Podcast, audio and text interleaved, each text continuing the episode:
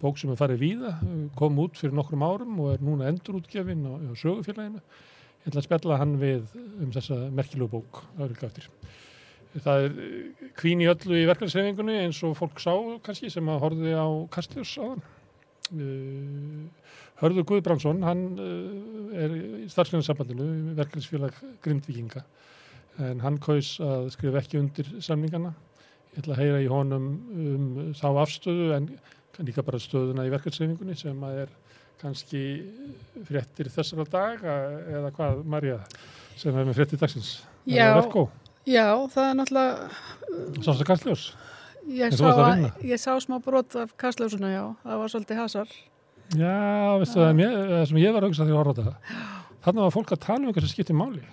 Ef þetta hefði verið samfélgín og sjálfstæðarflokkurinn að peksum eitthvað þingmál, þá er það meira minna eitthvað svona halgjara sviðsetningar, sko. Já, já. Þarna var það sem er verið að svona í alvörinu verið að deila um eitthvað sem skiptir máli. Það er alveg rétt, sko. Svo má, svo má gaggrina kannski hvað, hvað samt, hversu mikið svona, uh, já, tilfinningasemi þú segst mig og, sko, já, og þú stakst mig í baki og þú segst mig og eitthvað svona en það kannski fylgir þessu, þetta eru hittamál og þetta er erfitt þú ert í barátu við auðvaldið já, já. við hérna Sattu Gatulísins og all, allt það galleri já, sem er með ríkistöðun og Sælabankan og bara you name it á baku sig. Að þá skiptir miklu máli að þegar fólk er í baratunni að það finnir til að það sé saman að berjast. Já, og þegar það verður svona eins og er núna staðan sem að sundra stópurinn að þá þetta skiptir máli. Já, en það heyrur það bæði á Solveig og Ragnari að það sem að þau sakna er eða sko samstæðan og möguleikin að ná fram einhverju meiru. Já, já. svo getur vel verið að það sé randmati og þeim rétt hjá vilja að þetta sé ákvarða það sem að hægt var að hlaupin í garpús og hlaup út með. Já, já, Veit það getur vel verið. En, það, en það, var, það, var, það var ég hjá eftir því líka Viljálmur einhvern veginn talaði líka um sólvegu með hjartaður réttum staði og þau væri sammála í baráttunni á vissan hátt sko. Þannig að þú sé ekki alltaf sammála um aðferðnar sem við komum til að vinna já, núna það, þetta er erfið staða eins og við hefum bent á hérna áður mm -hmm eins og kom líka fram í viðtalinu við Ragnarinn sem við tókum á fyrstlæg að samningur starfsgrænsabæðin setur aðra í svolítið hérna, erfiða stöðu mm -hmm. að því að samtöku aðrið er alveg hörð á því að þarna þessi komin einhvern mótel sem þau ætla að rúla yfir Jú. allt stjórnvöld á því að þetta sé mótel sem að rúla yfir almennamarkaðin mm -hmm. og verða síðan til viðmöðuna fyrir og viðmöðunamarkaðin sem ég held að mér aldrei halda. Mér aldrei halda. Og ég held að fólk verður líka að fara að meta það.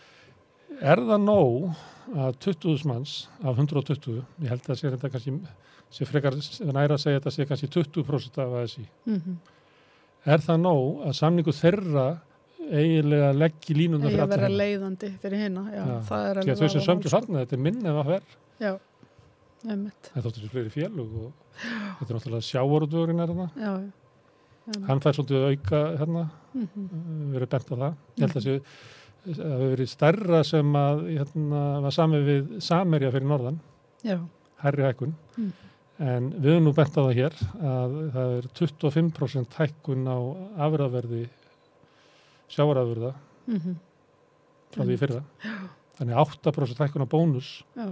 Bara hljómar ekki vel Nei, einmitt það er eitthvað svona ég held að verði deilt um þetta sko lengi. Það Já. má vera, það er náttúrulega smá möguleiki að vaffer og yðnamenn séu komnir eitthvað nála því að semja.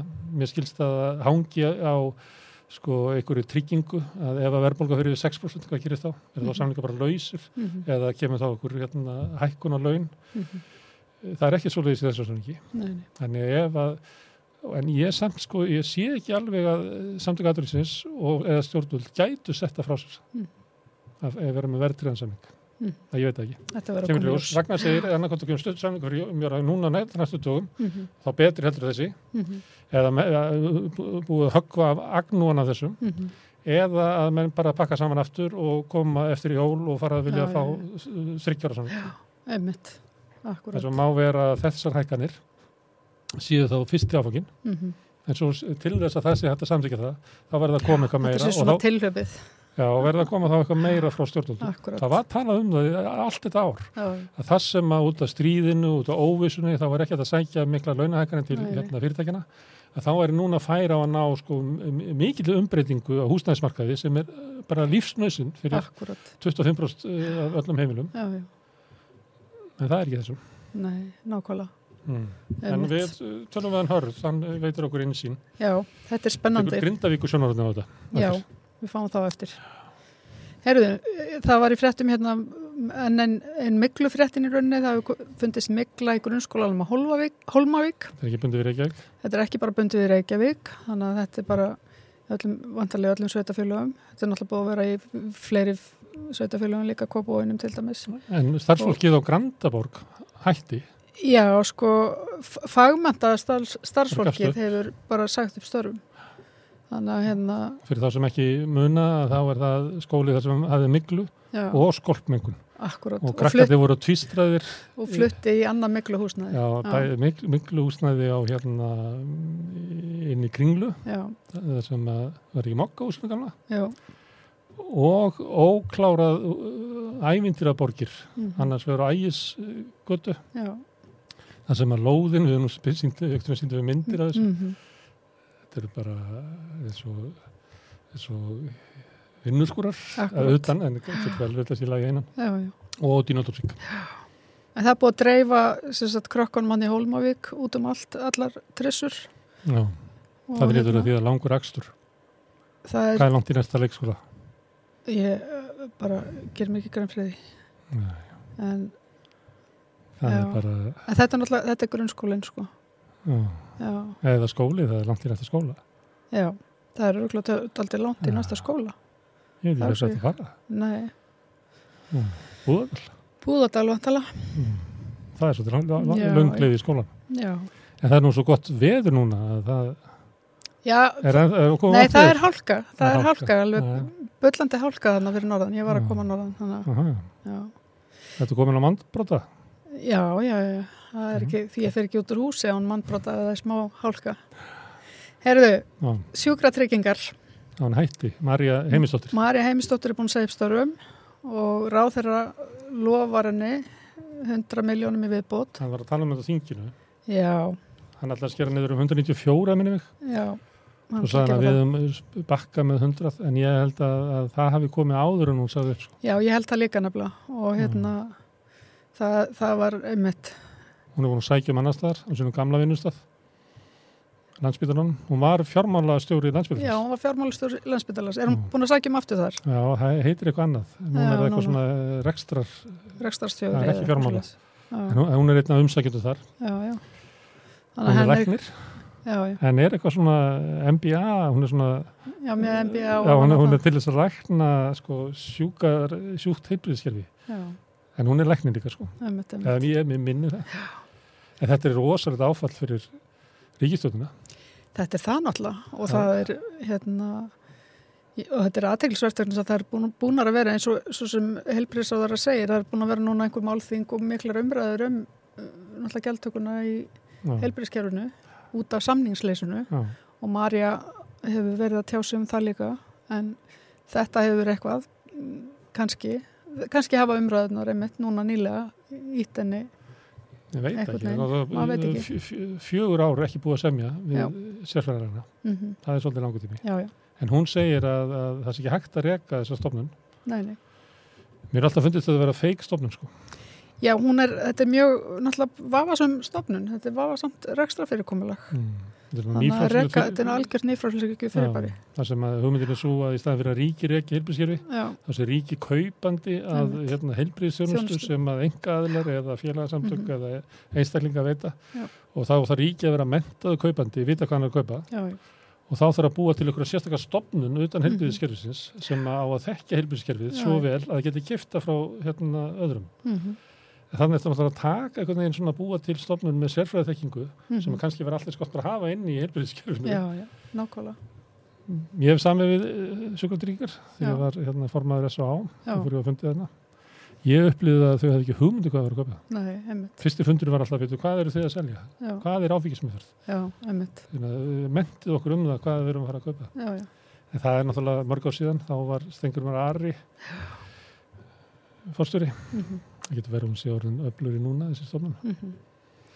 hún sagði það líka um daginn á, á málþinginu sem að örkjabandalagið held að hún vildi ekki, hún vildi ekki semja við félagsamtök og það hefur alltaf verið sami við sko félag sérgrannleikna þannig Þannig að þetta er svolítið skrítið einhvern veginn. Vildi ekki segja með félagsamtöku eins og S.O.A. SIPS? Já, og leknafélagið. Leknafélagið? Leknafélagið, þannig að ég maður svona spyr sig. Hvern lekni í einu? Ég, maður spyr sig hvernig vil hún þá semja, sko. En mm. ég veit ekki. Hún, en hún segir já. að þessi niðurskurðu valdi því að hún sé að bregðast, sko, get ekki sint hlutverkistofnunar og uh, bregðast landsmönnum í leðinni. Ég veit ekki hvort hún sé að meina peningarlega eða hvort að þessi helbriðskerfið sé lamað í lungu byðlustum og fyrir út af þessu. Það er það náttúrulega. En þegar ríkistöndin missir sko fórstjóruna sem Já. er að reka stefnuna mm -hmm. sem að taka ofta á sig sko sársökan að því að veita ekki þjónustuna. Mm -hmm. að því að við segjumst alltaf veit ykkur þjónustu það er ekki peningar, Já. þá er fólki í framlínunni sem segir eitthvað nei, bara því miður. Mm -hmm. því miður Marja minn, þú voru bara að býða í fleiri mánuði. Þegar það fólk gefst upp og nennir eða bara getur þetta ekki lengur mhm. þá er náttúrulega sístemið að bresta. Já, já. þetta er sagan sem við erum að sjá í helbriðskerfinu, bara trekk í trekk. Þetta eru fórstur á landsbytalan sem að koma hver og öðrum og, og gefa að að á ofleitlu fjármagni. Sumi skólastur að lýsa svona þessu alltaf, þeir eru hönd fjárvitingavaldsins frekar heldur en að vera sko leiðtóar, faglegi leiðtóar Já, já, einmitt. Herðu, næsta frétt, Pétur Krók Ólafsson Uh, var ráðinn til veitna uh, í stöðu sem hann var kannski bara búin til fyrir hann veldi maður fyrir sér. Bókvöndafræðingur Já, hann er var sér staðstofmað Dags Bjækjarssona borgarstjóra og uh, staðan er ekki auglist og kjarnin greindi frá þessu Já. og og hérna þetta er nýtt starf sem er starf viðskipt á þróunastjóra þetta er alveg nýtt að nálinni á veið, veitum. Í, í samíkið við stjórnmálusöguna þá er þetta að dagur á bara eitt ár eftir að sér borgastjóri, hann er búin að vera borgastjóri heil lengi og þessi maður er búin að vera aðstofað og sínunum mikla tryggð mm -hmm. Og núna getur uh, formaður borgarráðs hefur ekki aðstofað þannig að dagur getur ekki útvöðunum þetta starf áfram. Mm -hmm. Þá er búið til handlunum starf. Það er bara búið til, það er nefnilega málið sko. Mm. Það er fræðilega möguleik að þetta mál sé eitthvað öðru sem vaksið, en svona í samingi við stjórnmálasuguna þá er þetta þannig mál. Ég veit það, það er þannig.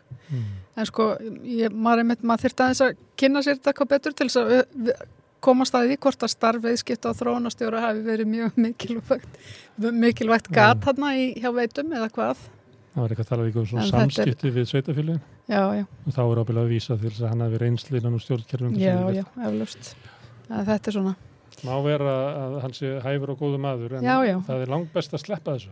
Það er nefnilega málið. Ráða bara einhverja hérna, óskilda menn já, því það er ekki hægt að lifa því svona spillingu. Nei, það er ekki hægt. Nákvæmlega. Herðum. Meiri spillingu?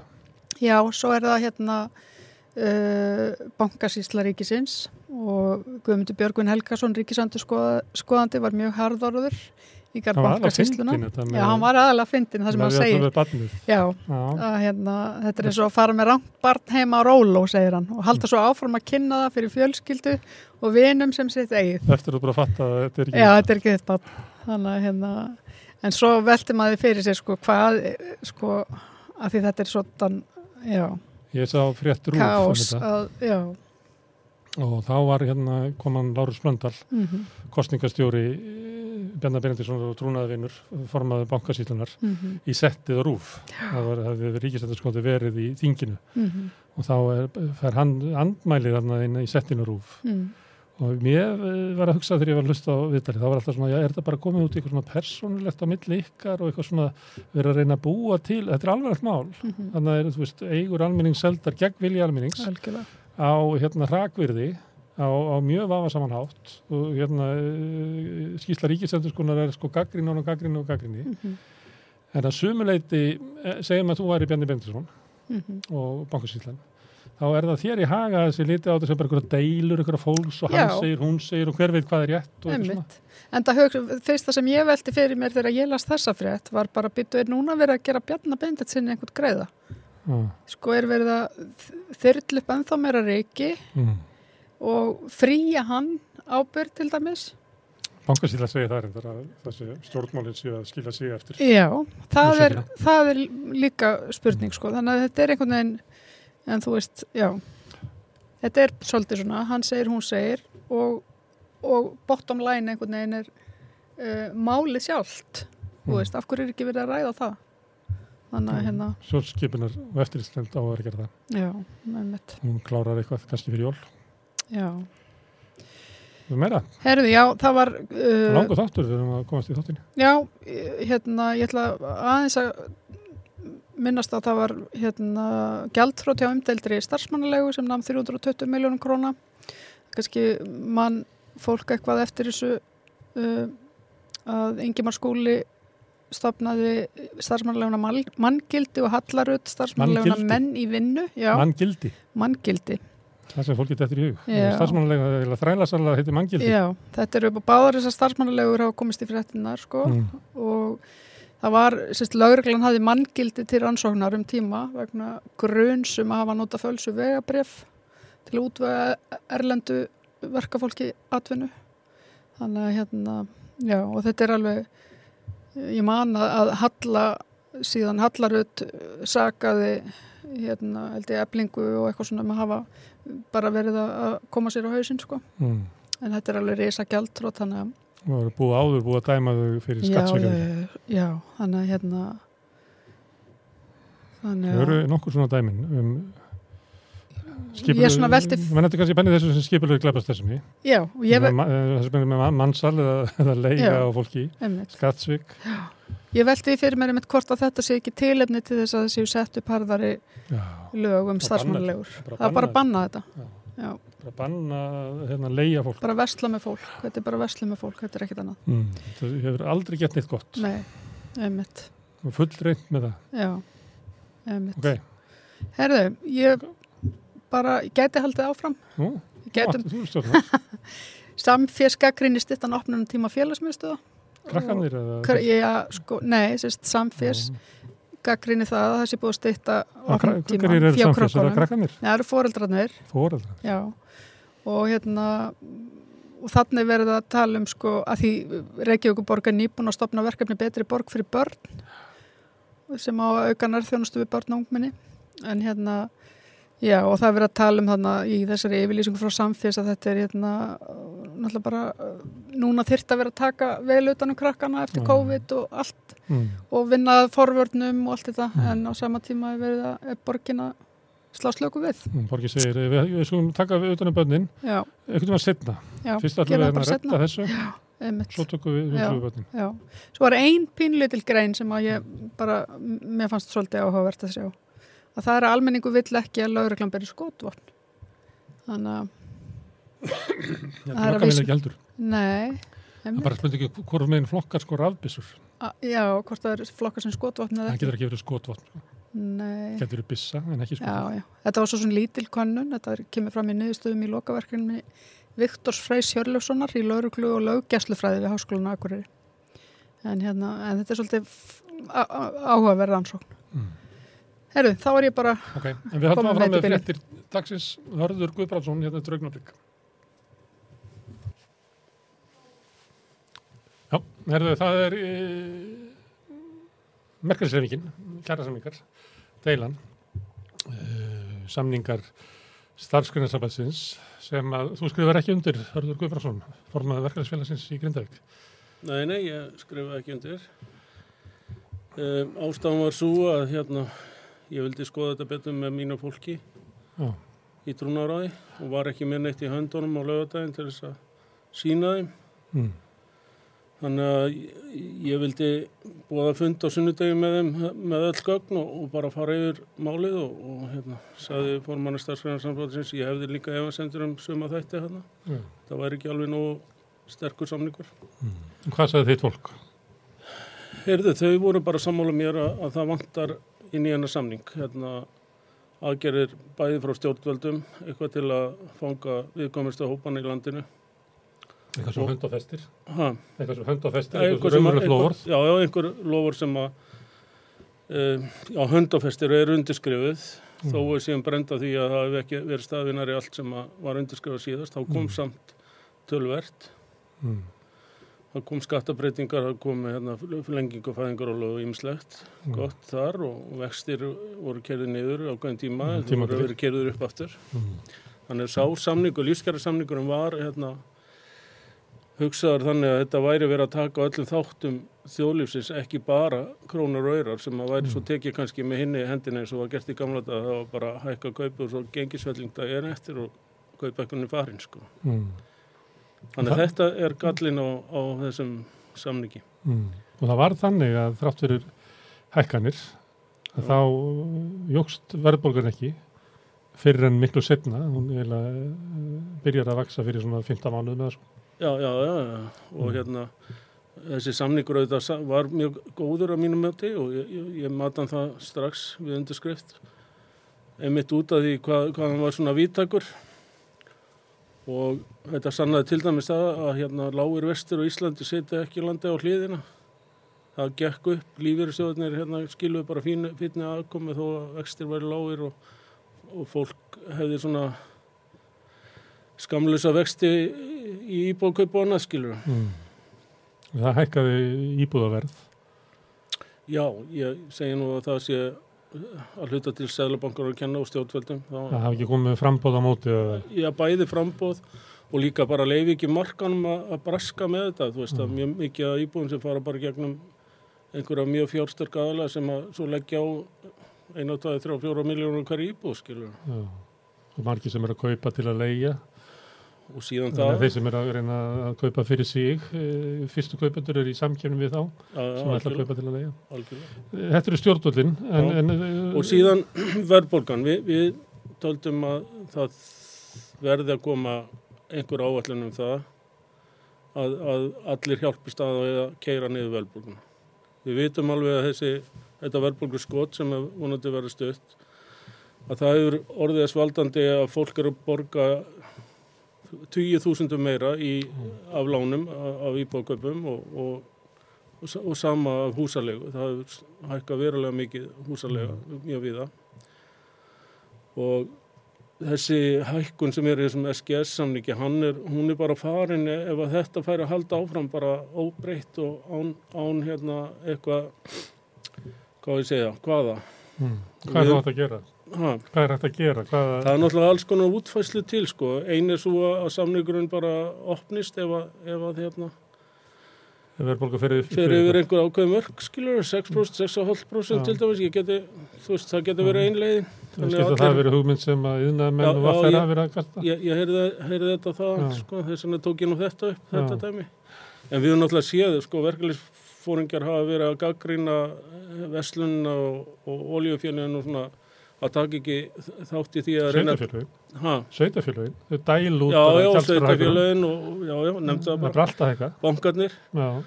En, en sko, þau hefur ekki rétt litla putta. Oljufjörninu hafa aukið hérna, hérna álagninguna. mm, Veslunin þráttur að hafa aldrei skilað eins miklum ágangi hún hefur ekki tekið þátt í því að, dempa niður verðið og bankarnir náttúrulega aldrei grætt eins svakalega eins og núna og þau eru ekki að gera neitt getur... nema að reyka fólkin í en hvernig er hægt að ná utan á þetta í samningum? Að, að það sé bara ef að að verðbólga fer yfir 6%, Mm -hmm. það er eitt, Já. en uh, það er ekki þetta að setja ykkur kvöð á hækkun á mat eða dagvöru eða bensíni eða... Nei, en þá held ég að það kæmi svona kvati til þess að, að hérna, allir leiðust á að reyna að halda verðbólgunum undir þessu marki sem eru sett allavega. En 6% er hér, Mm nú er verðbólga 9,3. Já, já, en Sælubanki spáði hvað, 5, einhverju? Jú, en það, svo spá er fallin, sko. Þannig að já. í þeirri spá var gert ráð fyrir að, að það væri 7,7% á þessu ári. Já, já, En hún er á 9,3% í Oslok já, Þannig að við erum að fara ansi hátt inn í næsta ár, þannig að það sé mjög ólíklegt að verðbólgan verði sko 5,6. já, ég er alveg samanlegar en, en ég heyri svo sem fleiri hafðfræðinga halda þessu fram að hún muni keirist mjög hratt niður en Já. ég hef bara mjög mikla reyfisendur um það og alls ekki á þess að, á þess að reyna að höndla eitthvað með það, skilur, Mm, bara alls ekki. En ef, segjum, ef að verðbólgan er 5,6% á næsta ári, eins og við býstu þessu fórsetur á baku þennan samning, Mm þess að gert ráð fyrir því að þessi byggður á, á, á sama grunni og fjárlögin og, og bara Mhm. þjóðhagsbá hagstofunar. Krónutalundar sem eru þarna, mm. væri þær ásættalegar? Ef, ef að ríki kemur með eitthvað á móti eða væri eitthvað trygging fyrir að, að verkafólk sætti ekki eitt í súpunni eða verðbólga myndi ekki hérna, Mm væri þá að sætta sig við þessa krónutölur?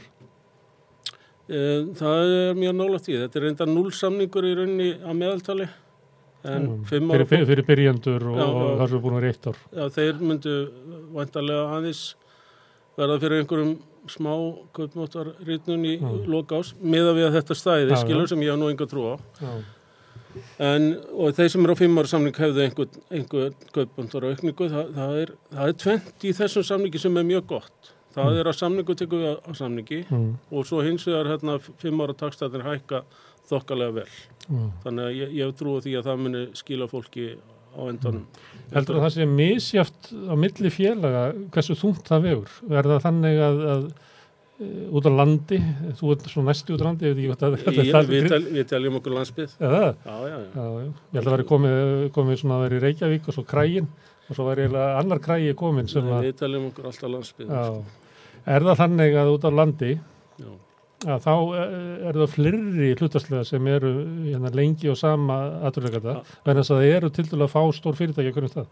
já, já, ég, ég er samfærðum að það er þannig og ég veit eins og hjá mér þá, þá eru tölvöld margir í fiskunslunni til dæmis og fiskunslunni spila náttúrulega stóra röll í mínu félagi Þannig að þetta, þetta var- já, þannig að það getur verið góðu samningur ykkur, já, já, hann en, gæti en lagari ef þú verður að horfa á sko, samsettinguna hjá eflingu. já, já, já, já, það, það er er mjög ólíkt ég myndi telja, já, þetta sé alveg rétt matjaðar fimm ára samningu myndi gefa landsbyðafélagunum mikið meira heldur en eflingu til dæmis Já.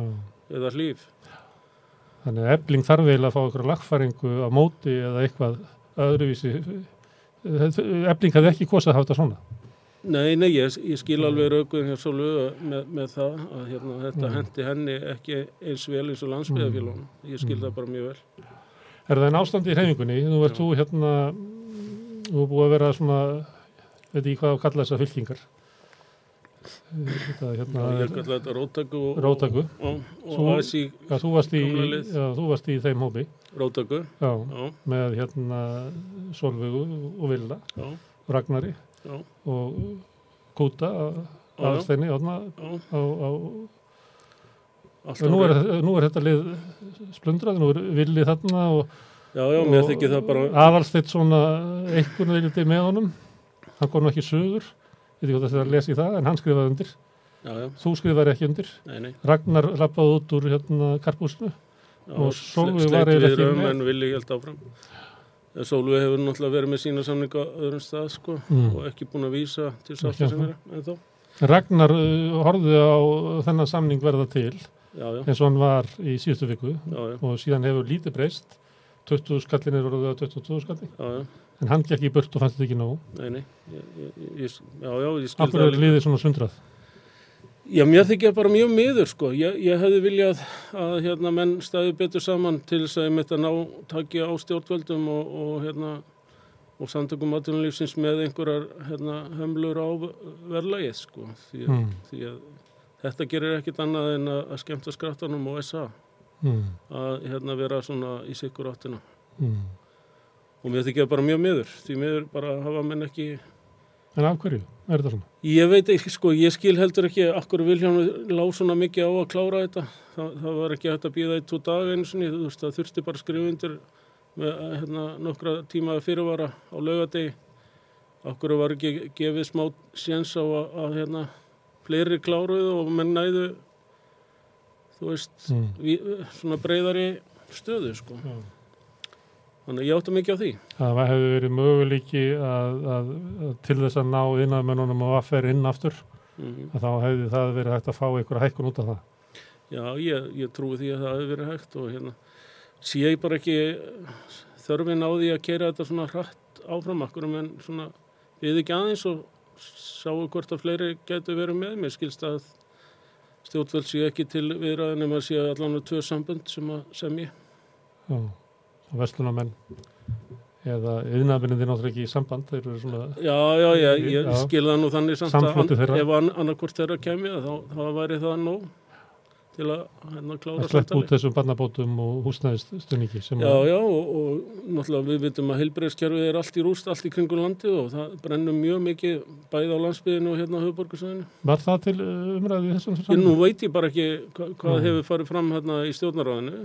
Ég, ég hérna, hef ekki mikla fundi, hérna, fréttir af þessum fundum með Katrínu annað en það er bara hún að listi við velvilja til að, til að hérna, koma með einhvern pakka og, og, og leysa málinn ef að með myndu semja. Mm. En nú liggur á einu að í síðustu samlingum sem að, að þá komu stjórnult með skattabreitingar og byggur til þriðja þreppið. Að núna kemur hérna í verðbólgu Mm. koma hækkanir Mm í- hérna neðst -hmm. og þá er náttúrulega feiknarlega mikilvægt að sko hérna, persónuafsláttur í fylgi og líka sko mörkin á lægra Já, þreppið. já, ég er bara, hundra, það er bara Já. gríðarlega mikilvægt sko.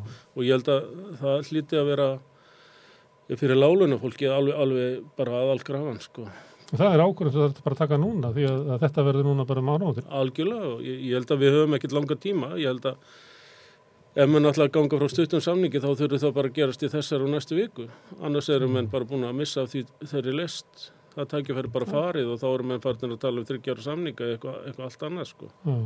að mínum mati Hvað þýðir það? Ég var nú að gíska á það þegar ég var að tala um hana Maríu að þryggjára samningu gæti verið þannig að þe- þessi samningur mm, gæti verið fyrsti áfangi af þryggjára samningi. mm. Er það möguleiki? ég það væri möguleik fyrir grindag, ég veit ekki með hérna Nei, þú veist að, já, að það væri ávinningur í því að þá ertu raunverulega að ná liðinu saman aftur. Já, já, ég, þú veist, við getum alveg skrifað upp á það en, en ég efast um efli getið að, að því að ég held að sé ólítið í þessum bakka fyrir þau skilur. þessi verið viti. aðla, aðlaður að landsbyrni. Skýnarlega, kannski Já, að já, en þú veist, já, ég veit ekki hvort að það var meðvitað eða, eða ekki, sko. Mm, En allavega kemur að, það virkar þannig, já, þegar þetta er komið, sko. Já. Og kannski Keflavík sem er kannski með svipaða samsetningu á, á, Mm, á fólki eins og öfling. já, já, ég myndi, ég myndi, ég myndi með það, það getur verið svipað þar. En þið, nú, hérna, þú skrifar ekki undir, þú hefði getað skrifað undir og, og borðið undir eh, félagið. Já, já, Það meira svo til dæmu það að forminnin mæli ekkert sérstaklega með samningnum Nei, og svo er það bara feldur. Nei, Já, já, ég hefði alveg viljað eiga kost á því en, en hérna, sko, mér bara því var hafnað að ég fengi að, ræða þetta með mínu fólki, ég var ekkert alveg viss með þeirra afstöðu, ef ég bara skrifaði ekki undir þá var ég ekki aðilega þessu Mm. og þá bara Vilhjálmur uh, saði mér það alveg skýrt. Annarkvort skrifaði ég undir og væri aðilega þessu samkomulagi og bæri þetta undir félagssjóð eða, eða ég væri bara ekkert inn á þessum bakka og, og það væri ekkert í búið að skrifa undir. Ég hefði vilja eiga mögulegan á því ef að trúnaður á því hefði viljað samþekja hennar pakka að geta skrifa þá undir í dag eftir að vera búin að fara vel yfir þetta með Heldur þú fengið það ekki eða? ha, Heldur þú fengið það ekki? að skrifa undir Já. Nei, já, þessi samningur allan var ekki búið Hann að er ég fengi bara að skrifa undir hann, hann er farin Þessi lest er bara farin. En hvað verður þá með ykkur í Gríðauk? Já, bara eftir að koma ljós Já. En trúnaður á því hérna, samþýtti náttúrulega ekki að að, að mér var fálið bara að leita samstars við eblingu áfer og innað minn En nú er... Ég var nú kallað heim umbúið í dag og svona og svo þarf ég bara að heyri þess, að fórstumunni þessari fjöla og Mm. það er bara næsta skref. Nú finnst manni að hérna, yðnaðmenn og vaffer gætu átt uh, saman af því að ég veit að, að uh, krafan innan og vaffer var bróstaðekun að þessu sinni. Mm Það er eins og svona millitekki fólkið -hmm. vilji svona fá eitthvað uh, uh, það sem að uh, láglauna fólki fekk meira út úr lífskjærasamlingnum. Þannig að sumuleiti er það eðlilegt með að við svona ef að þetta er réttur lestur á vilja félagsmanna að vaffer sé þeim megin. Já, já, ég skil, ég skil Já. þetta alveg. Já, en ebling á ekki heima í því. Það er, það er svolítið annað Já, svið þar. Þannig það er að vera ef að þetta ætti að vera ef að þau ætla að nota sko samilið aflsitt þá verður þetta að vera einhvern veginn svona mjög það er að, að finna sko Já, já, ég, ég, sé, samningnum, já, sko. já, ég sé svo sem ekki og ég, að því ég á náttúrulega eftir að tala líka við þetta fólk, ég veit ekki Mm. alveg hvað það er statt. það er í kastljósi, Sólvi verið í kastljósi Já, já, ég, ég er náttúrulega ekki búin að horfa á það en ég horfa á það þegar ég kem heim. en það getur bara Já, stalta við ég, ég kannski horfa á það þar líka. En hérna, já, já, ég, á bara eftir að heyri í þessu fólki Já. hvernig staðan er og hva- hvað möguleika fólk sér. Það er bara mitt verkefni, bara strax á morgun. En hvað er þetta mikilvægt þetta með að fara í karpúsið, sækja þær launahækkanir sem er í bóði og fara það með til fólksins eins og vilja með lýsa þessu? Er þetta vondstaða fyrir þig að, að nú eru allir að fara að fá hækkanir nema fólkið í Grindavík? Mm Já, það gæti verið það, já, já, ég, þú veist, það er ákveðin hópur sem maður myndi fá ágætlega út úr þessu. En, Mm. en ég meina, ég, það var einrúma samþýtt að fara þessa leið eins og, eins og ég svo sem uh, laði til að hérna, við myndum reyna að laga hennar samning Mm. þannig að hann væri betri, það væri ekki hérna, kem ekki kaupækkun með hægri hendurinn sem væri tekið með vinstri Já. menn eru bara mjög hrættur um það Mm. En og við er, erum öll sammála um það það er ekki hægt á því að þú fáir ekki það sem er í samningnum. það verður svo bara komið ljós En yfirleitt er það ekki þannig það. uh, að Að sá sem að, að kemur setna, hann fái ekki það sem að... Ég bara átta mig ekki á því, ég, ég þarf að heyri þeim en allavega ég er nú alveg klára á því að ég er þá með hérna, samstagsflöð bæði hjá Eblingu og Vaffer, ég á eftir að heyra einaðmennum með það. Það sem að sólveilegur áherslu á og ekki síður ragnar er Mm. að að þessi góðari í fyrirtækjunum. Já, já, Gríðalur ragnaður, já, uh, fiskverð 25% herra enn í fyrra, Mm. álverð 60% herra, já, aldrei fleiri ferðamenn, aldrei fleiri gistinætur, já. uh, aldrei meiri hagnaði fyrirtækja. Uh, árið í fyrra var metár, uh, millu uppgjörinn í ár sína fram á að þetta ár verður líka betra, 30% meiri hagnaður í kaupallinni, aldrei. Nei, nei, Ertu á því að, að, að, að ég heyrði Stefán Ólafsson, hann, sagði þetta einhvern veginn þannig, að, að þegar þessi staða er mm, og, og launafólk sækir ekki fram mm, hérna kröfusinar mm, í þessu árferði, mm, þá er það eiginlega samþykja það að, að, hérna, að fyrirtækjegandi sé að stækka sína sneið. já, já, Skilur? já, já, ég, já, já, ég er bara sammála því. Já, Það er alveg byllandi góður, það er bara alla tölur sem sína það og hérna bara sjaldan verið annað eins og ég veit ekki, ég, ég hef svo sem alveg verið e með efasemtir um svona stuttan samning núna, akkur við fórum ekki bara þá leið að sækja í löngum samningi almennlegar kjara bætur svipað að gett í í lífskjara samningum sem að virkaði rosalega vel sko. með hagvastrauka. Já, og hafa hafustar aukan inni sko. Mm. er náttúrulega, hann á að vera þar Já. þannig að þegar fyrirtækin skili góðum hagnaði þá komi eitthvað til fólksins sjálfkrafa Mm. Þegar þetta kemur í ljós bara á næstu dögum, vonandi, já, kannski verður þú komin inn í karpúsi bara í vikulokk. að ég ætla rétt að vona það Já. við höfum ekki langa tíma, ef menn ætla að reyna að leysa þetta svona, Mm. þá höfum við bara þessa viku og næstu til að klára það, af mínum mati Takk verður fyrir að renna í bæinn og spjalla við okkur hérna að borðið. Takk fyrir mig Núna ætlum við að fara allt annað, aftur og baki tíman til þriðaríkisins og skoða stöðu homma þar.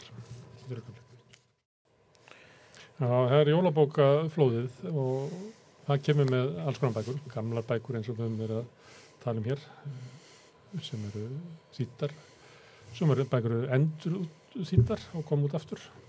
En í kvöld ætlum við að ræða meina bók sem var þýtt fyrir ykkur síðan en er endurútgefin samt. Menninir með bleika þrýðningin eftir Hans Heger. Og hann er komin hingað Guðjón Ragnar Jónasson sem að þýtti bókina. Hérna vorum að ræða þessa bók hérna frammi áðan og það var svona, já, ég hef alltaf þetta mælandi að fólk að lesa hana, sagði ykkur. Nei, Það en þetta er bók sko, ef þú er fyrir, erfið.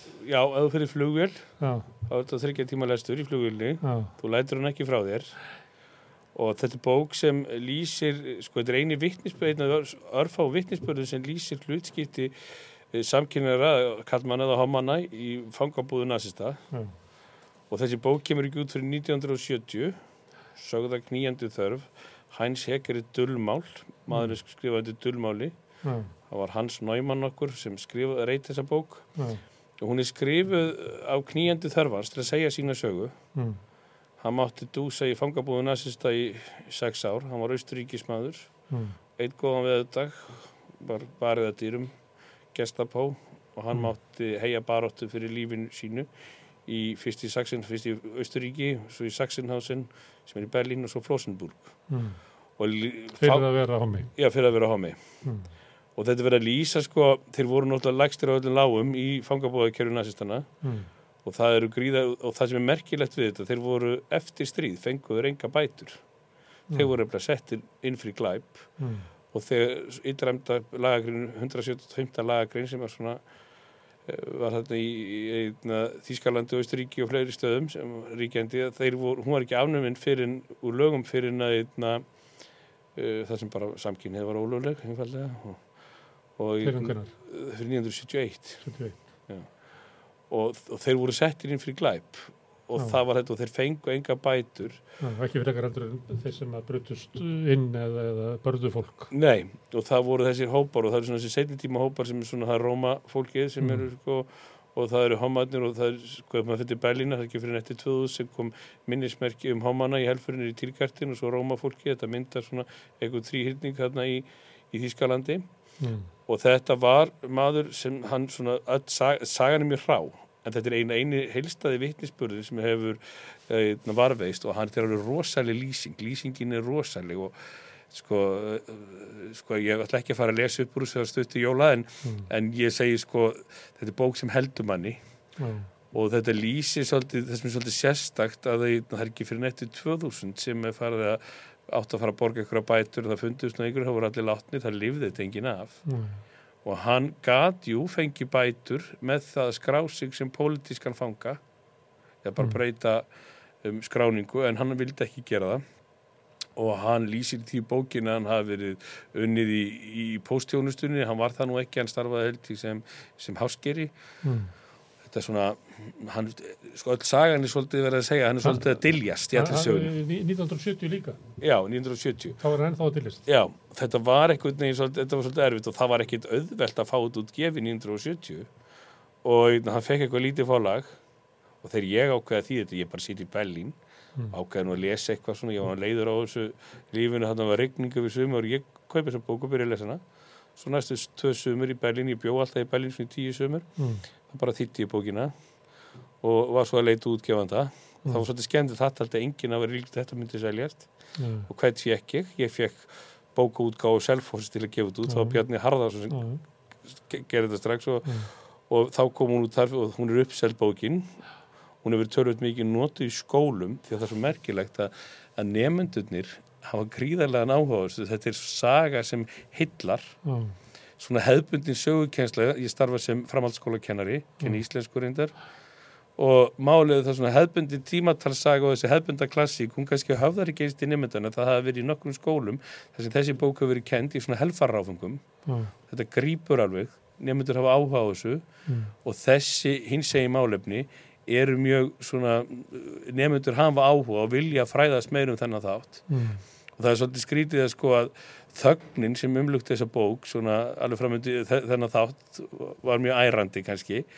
Og kannski það má kannski segja líka heimurinn var ekki tilbúin að heyra sögur að helfurinn fyrir komið að fara inn að nálgast 970 að helfur svo bara homan og líka gyðingana bara fangabóða að kerna þetta bækurnar, svona þessi litteratúr helfara litteratúr, Já. bókmyndir já, já, það var ekki vinsælt fyrir að fara nálgast 970 já, ég lifi eftir Martin Green, Já. mann og ekki hvernig hún kom út en. En þá var heimurinn var bara ekki tilbúin að heyra þetta fyrr. Það liður 20 ár. Og enn lengra þangar til menn vildi heyra þessa sög og þessi bók er svo heilstæðasta frásögnin sem hefur lifað. Hún er sko, kannski verið seintalinn ykkur bókmentalistaverk en frásögnin er röð, hún er, uh, er, er, það er eitthvað grípandi við þessa sögu. Það er Mm. eitthvað í þessu sem gera verkum að hún heldur manni. Já, og ég gladdi mig gríðarlega mikið þegar hins egin dagar stuttu þessu útgáfu að gefa þetta út og sögufélagi greip, greip boltan á lofti já, og ákvæði þetta út. Og sérstaklega náttúrulega með áhuga vegna þess að bæði há, háskólum og framhalskólum er áhuga á þessari sögu. Já, það er áhuga á ýmiskonar jaðarhópum og kannski má segja það að jaðarinn sé að komast inn á miðju kannski eru þið hérna á stöðun að komast inn á miðju maður veit aldrei hvað er að gerast Nei, við vorum með svona rauða stjörnu já, í, í, í geðingabúðunum já Ha. Þú sagðir að homandir hefur verið neðstir. Hvernig lýsir hann því? Hvernig, hérna, Því, því ég líst og legstur var hann svo sem var gýðingur á hommi. Þeir voru með starri merki og, og, og, það var svolítið merkilegt kannski að rauðastjarnar, það, það voru grænir, voru glæbamennir. Það var svona stigveldiskerfi í búðunum og stjórnendu, þessum stjórnuðu búðunum var annarkvort með rauðan eða grænan þrýðning. Það var mörg sumpart betra fyrir hommana að þóla glæbamennina. Þeir höfðu meira umburðar lindi heldur en þeir sem voru inni fyrir pólitíkina og eins og þeir voru inni fyrir glæb samfélagi var ekki tilbúið en ég hef líka verið að kanna sko annað tímabili, Væmar líðveldið já, bara 1933 var skellt í lás og ég þýtti æfisögu Magnúsar Hirsfeld já, sem st- st- rak kynfræðastofnun í Berlín og var með marskona að, var, var rannsaka hins eginn fólk transmálefnin og alls konar fræðslu og það var þessi sko, uh, það var þessi líflegi tími mm. og Hirsfeld fór náttúrulega burtu strax Já. og hann náttúrulega bæði, hann var sósíaldemokrati, hann var uh, hommi álitinn, hann gaf sér neyndar aldrei upp og hann var gýðingur Já. og hann fór náttúrulega bara strax í útleið og, og þetta var ákveðun ógn og það er það sem ég hef svolítið verið að velta fyrir mér það er kannski takkminn takk, takk, kannski svona dæmigjart núna að við erum kannski svolítið við það er bakslag í baróttunni Já. Upplöðu þú það? ekki ég prífut og persónlega ég er orðin svona bara borgarlegur sko, að ég heyri sögurnar Heldur heyri það sé á yngra fólki þá? Að yngra fólki verði, verði þetta? veit ekki, ég hef náttúrulega svolítið áhuga sem eru launakönnuna Já. sem var hérna fyrir nokkrum síndi svona fram á ákveði Já. og ég held sko að þetta sé svona Það sé hvers- svo glerþakk á homanum. já, Það já, þeir þurfa að vera svona sessur og kátur ég hef alveg kynst því, ég hef alveg Mm. talað um það í sjónvarpu annars það alveg, alveg líst ég alveg hvernig að hérna, homanir eiga erfiðara með að sækja fram. Guðfinnur Sigurvins og lísti þessu líka og fleiri. Mm. og þetta er eitthvað sem ég kalla eftir að stjórnvöld skoði. Að ég finn, mér finnst ungd fólk það sem ég er að kenna það eru áhuga samt og það er allt annar, allt annar andi heldur um var hérna við sem erum að alast hérna upp á þessum svona áratugum á nýjunda áratugnum og tíunda áratugnum Mm. þá voðalega sérstakt andrum alnæmis ógnin var Mm. yfir þyrmandi yfir allt Mm. og það var í sjálfum sig, mér finnst það oft í æsku minni hafa ekkert verið voða skemmtilegt ég meðan bara eftir hvað var mikið líf á 22 Mm. það var svona einhver gullmóli í þetta og þetta var rosa gaman á þessum tímum eftir 2000 Já.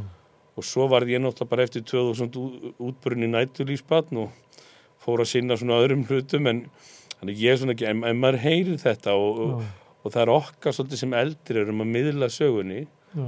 þetta var mitt framlag til að miðla sögunni Þú er nú gætt meira en það. Þú er nú skrifað alls konar sögur eða ekki? jú, jú, ég er að skrifa um sveitina Kynjasögur og já, hef um skrifað, hins eginn fólk. já, ég hef skrifað það, það var Magnús Hirsfeld, ég skrifaði Já. Og ég er að skrifa mjög ólíka og svo tók ég upp á því að skrifa kindasögur fyrir Bjarnar Harðarsson Já. og þær seldust í Hesburðum Já. Hvað er það? já, Hvað er, hvað er kindasögur? þá ég skrifaði sögun á Herdísavíku surtlu og var að segja bara sögur og sögfjö, eitli og sapnaði sögur svona undir landið. Svo fór ég í bíluferð með Guðin Ágúsin og skrifaði svona um flóa bernsku hans og skrifaði svona um dreifbíli því að ég bjóð á landi og hef svolítið verið að fara aftur í sveitina Já. eftir ég var útbrunni nætturlýsball. Já. Þá hef ég svona verið að skrifa svona ólíka en ég hef svona gaman að skrifa svona þjóðlegan fróðleik og svona hins egin málefnin. Það er annars vegar Bellin og Íslenska sveitin eins og einhver sagði. Já. Þannig að ég hef svona verið svona, svona marg samsettur í þessu en, en þetta verið alltaf, alltaf svolítið stóran þátt að sjálfum mér sko og mér fannst ég... Og mikilvægt að segja sögu frelsisbaróttu samkynniðra. Já, mér fannst það rosalega mikilvægt og líka svolítið ég fann þetta hvað nefndu mínir höfðu miklu meira áhuga því ég var að ræða þetta við um heldur en því að var að kenna Gunnarsólma, þetta er Jónas Mm. Hallgrímsson. Þetta kveikti eitthvað og þau tengdu saman Mm. voru að velta þessu fyrir sér nútíð, fortíð og framtíð og það nýr eftirmáli sem Hafdís Erla Hafsteinsdóttir Já. sem er í doktorsnámi núna í kynjafræði skrifaði, Já. inn í hins egin sögu ég Sem er erlendis, sem annars mútu kannski verið hérna. hjá Já, hún hefði verið út þetta reyndil að fá hana hérna til að segja eitthvað svona frá þessari hinsegin sögu og svona þessari, sko það, fólk hefur áhuga á þessu og margskonar sögu, margskonar hópa. Og hún er einmitt að ræða þessari eftirmála svolítið um konurnar sem voru. Þær voru margar senda til Ravensbrück sem voru aðrar fangabúður, Mm. þar hefur ekki ekki varðveist uh, sko frásagnir á sama hátt og kannski það sem er svolítið merkir, ég var hringd í heimum á að ég fór hingað, við fórum saman til San Francisco. Ég var einhvern veginn að vinna hins eigindögum Mm. og na, Gilbert Baker gerði regnbóafánan og regnbóafánin hefur svona verið út um allt. Bleiki þrýhyrningunum var alltaf hérna í litla glukkanum á 22 Já. en mennum fannst á sínu tíma menn fóru meira svona út í regnbóafánin og aðra fána annar hópa, því að hann var svolítið karlægur hann sagði svona bara sögu kannski á hommana en ekki annara þannig að en það er ágætt að vita, svona þekkja þennan takk bleika þrýhyrningunum fyrir hvað þetta stóð Mm. en bleikið þrýhyrningunum var svona svolítið einkennistak samkynneira á fyrstu árónum svona mann eftir þessu, þetta var á Já. blöðum frá samtökunum og svona Mm. en svo tók svolítið regnbóafánin við Mm. mér fannst regnbóafánin alltaf kannski lýsa átt alltaf, allir eru svo hamingjur sem eru gladir og allt svo rosa gott en mér fannst þetta gott að minna mig á bleika þrýhyrningun og En erfiðleika sögunar. já, það er svolítið mikilvægt að við rifjum þá alltaf upp, við þurfum að læra sögunni Mm. og við þurfum svolítið að halda inn á lofti að því að bara þetta sem ég er að hugsa um að því ég var að skoða væmarlýðveldi og, og hvað gerist bara örstutum tíma þegar allt skellur í lás Já. og þetta er svona Að bakslagi geti tekið mi- mikinn kannski ekki réttindi í væmilíðöldinu, heldur svona umbúralendi út. Já, Æ, na, uh, það er sko eins og einhver saði sko stundum finnst umbúralindi er, er rosalega gott en það getur verið kannski ég veit að ég er ekki mikil fjölbreytni í umbúralindinu kannski alltaf skilur það er svona eitthvað í þessu sem við svona við, erum, við þurfum einhvern veginn alltaf að minna okkur á sko. Já, umbúralindi er náttúrulega rosalega gott en, en það er rosalega gott að segja þessa sögu og, og líka náttúrulega þessa íslensku sögu, ég á nú vona það vona því að svo saga verður kannski meira sögðu næsta árum það er svo bara að segja homana hér. Já, Og mjög, samfélaginu. já, við bara vitum bara í umræðinu, hugsið ykkur fyrir nokkrum tímum þegar maður, við erum að, maður að alast hérna upp í breiðaltinu Já, og eftir strísáránum eða svona bara nýjunda áratögnum kannski já, þá er verið að ræðum það í fötri alvöru að bú, koma hománum fyrir einhverju eigi í breiðafyrði sko, til einangra alamisjúklinga já, já. Og það var sem mér fannst sko þessi umræða þessi, þessi ég svona einhvern veginn upplýði svolítið þessa alnæmisumræða mér fann hann svolítið sterk oft á tíðum þegar að þessi pláu umræða sem komin eins og þegar var hérna í, í COVID-un og Já. þetta sko. Og Vakti það upp svona skring, skringilega tilfinningar. já mér alltaf, mér fannst þetta svona, það voru allir einhvern veginn svo rættir Já, Ég var breyta alltaf- ílsöll í, í búðir. já, þetta var einhvern veginn sem mér fannst þetta einhvern veginn, hvert er ég komin, ég Já, ég fekk bara COVID eins og aðrir maður er svona það var ímislegt í þessu svona, mér finnst ímislegt svona kannski En alnæmis árin sem að, að þú lifir, á mannst eftir, Já. þau eru náttúrulega mjög sérstök. Já. Þannig ég gæti trúa því að þegar þú ert að tala við kannski ungan homma í dag, að það sé svolítið erfitt að, hérna, að koma sér einhvern veginn á milli því að þetta var náttúrulega ótrúlega sérstök, sérstöku tími og hefur ábyggilega verið erfið reynsla. hún var erfið Bara reynsla. fyrir uh, bara allt hommasamfélag. já, já, ég bara tekið eftir því að Kom fæ- ekki, kom ekki samur út. nei, en það sem var svo merkilegt að, að það voru að fáir, ég fættur 70, rétt, eh, eh, 74, 5 sko er ég svona, eh, 74 er ég fættur og það er eiginlega enginn sem, ég mani þetta í gamla daga sem er, ég, það er eiginlega enginn sem fættur í 71 og 2 sem eru úr svona ofinbyrju hommar, svo koma, byrjar fólk að koma aftur út úr skápnum, það líða tíu ári eiginlega án þess að nokkum koma út úr skápnum. Og menn kjósa skápum frekar en hitt og svo náttúrulega ég aðeins að kanna núna kannir mínu svona leifarnar þessu samfélagi Kaupmannahöfn sem voru svona hommasamfélagið Já, ég er að fara aðeins að rannsaka það það voru allir sem fóru til Kaupmannahöfnar og flúðu þangað og fundi sér starra dansskól til að dansa á og leika á og þurfti að fá ákveða rými sko langar að reykja hvað varðum þá? ég kannski ekki reykja, mér aðeins að varpa ljósi á þetta, hvað fólk gerði hvað, hvers vegna fór fólk hvað var það sem var öðruvísi Mm. Og hvernig þið farnaðist það? Já, svona hluta til og einhvern nátt bara einhvern veginn að skjálfesta þetta, þetta litla samfélag sem var hérna Mm. burtu og voru mjög margir sem, bara sem ég kannast við, sem ákvaða að flytja út. Mm. Mér er svo minna um það núna að fólk flytja í land út af því að flýja í land, sko, það vildi pröfu eitthvað nýtt. Mm. En einna, það er náttúrulega við, hins eginn samfélagi er rosalega breytt á Íslandi með það sem var, sko. Ég var bara að forma samtakan í nokkur ár Mm. ég sé þessar miklu breytingar og, og mér finnst bara sko, margt mjög gott og, Mm. Og all, allir hlutir eru tímin, tímin breytir öllu en Það kom nú í ljós með hann í, í sjófanstáttunum sem Já. var um, um söguna já, að eh, svona eh, eldri hommar sem að tóku þátt í baráttunni kannski Mm. frá samtökum 78 og í gegnum Mm. í hérna eitsárin Mm. þeim fannst svona eins og þetta væri ekki alveg sín samtök lengur nei, nei, nei, ég fann það alveg stert og, einna, og þetta var það sem kannski ég hef nú svona tek ennþá þátt sko mm. og, einna, og svona var eiginlega horfin að vettfangi á, Mm. á þessum tíma en ég stundi velti sér fyrir okkur ég stundi bara velti fyrir mér með hvað þessi elsti hópum átti þóla, ég stundi fyrir hvort þér ætti ekki að fá við frá það samfélaginu var sko. rosalega rofsóknir raunverulega þetta, þetta voru rosalega ásóknir og, og einna, maður svona og það voru rosa gott, þessi þætti voru gerðir og, og það sem ég finnst svolítið mikilvægt það er að skrásetja söguna að því að mér finnst það einhvern veginn svo mikilvægt það er svo margir að deyja í kringum mig Já. og uh, bara það er eðlilegt en og ég svona man allt sem var sagt við mig og ég hef alltaf haft áhuga á svona sögulegri vít sko Já. og þessi breyting sem er að verða á, á samfélaginu sko Mm. homarsamfélaginu og stundum hef ég ég á vini mikið, ég verið í Berlins ég á mikið vini frá uh, fyrir mjög frá Sáti Arabi og þessum löndum Mm. að það er allt hóma samfélagi neðangjörðar og þeir, ég var svo hissa þegar ég voru að segja mér það, að þetta var mörgulegt gott samfélag, þetta var allt neðangjörð þú ert bara að ganga til ákveðinu línum Já. en meðan til dæmis kannski svona viss eftir sjá eftir þessum tíma þegar að voru svona nánari tengsl og var svona- samstöðu hérna Já. út röktu Já, og ég man eftir því, mér fannst svona í gamla þegar ég var svona, þannig að fyrsta árið þá fannst mér þetta alltaf vera svona rótæki marrinda sinnars. mm. Ég svona sá alltaf fyrir mér að allir homarni kísur líku við alltíðubandalegi og mm. mestarlegi kvennalistan, þetta var svona þessum tíma. Mm. Svo kynnismæður, þetta eru allt annað samfélag. Mm. Þetta er svona, kannski var það ég svona sá ekki alveg réttan glugga en maður er að sjá það að borgarilegi lífsættur eru kannski meira ríkjandi, sko.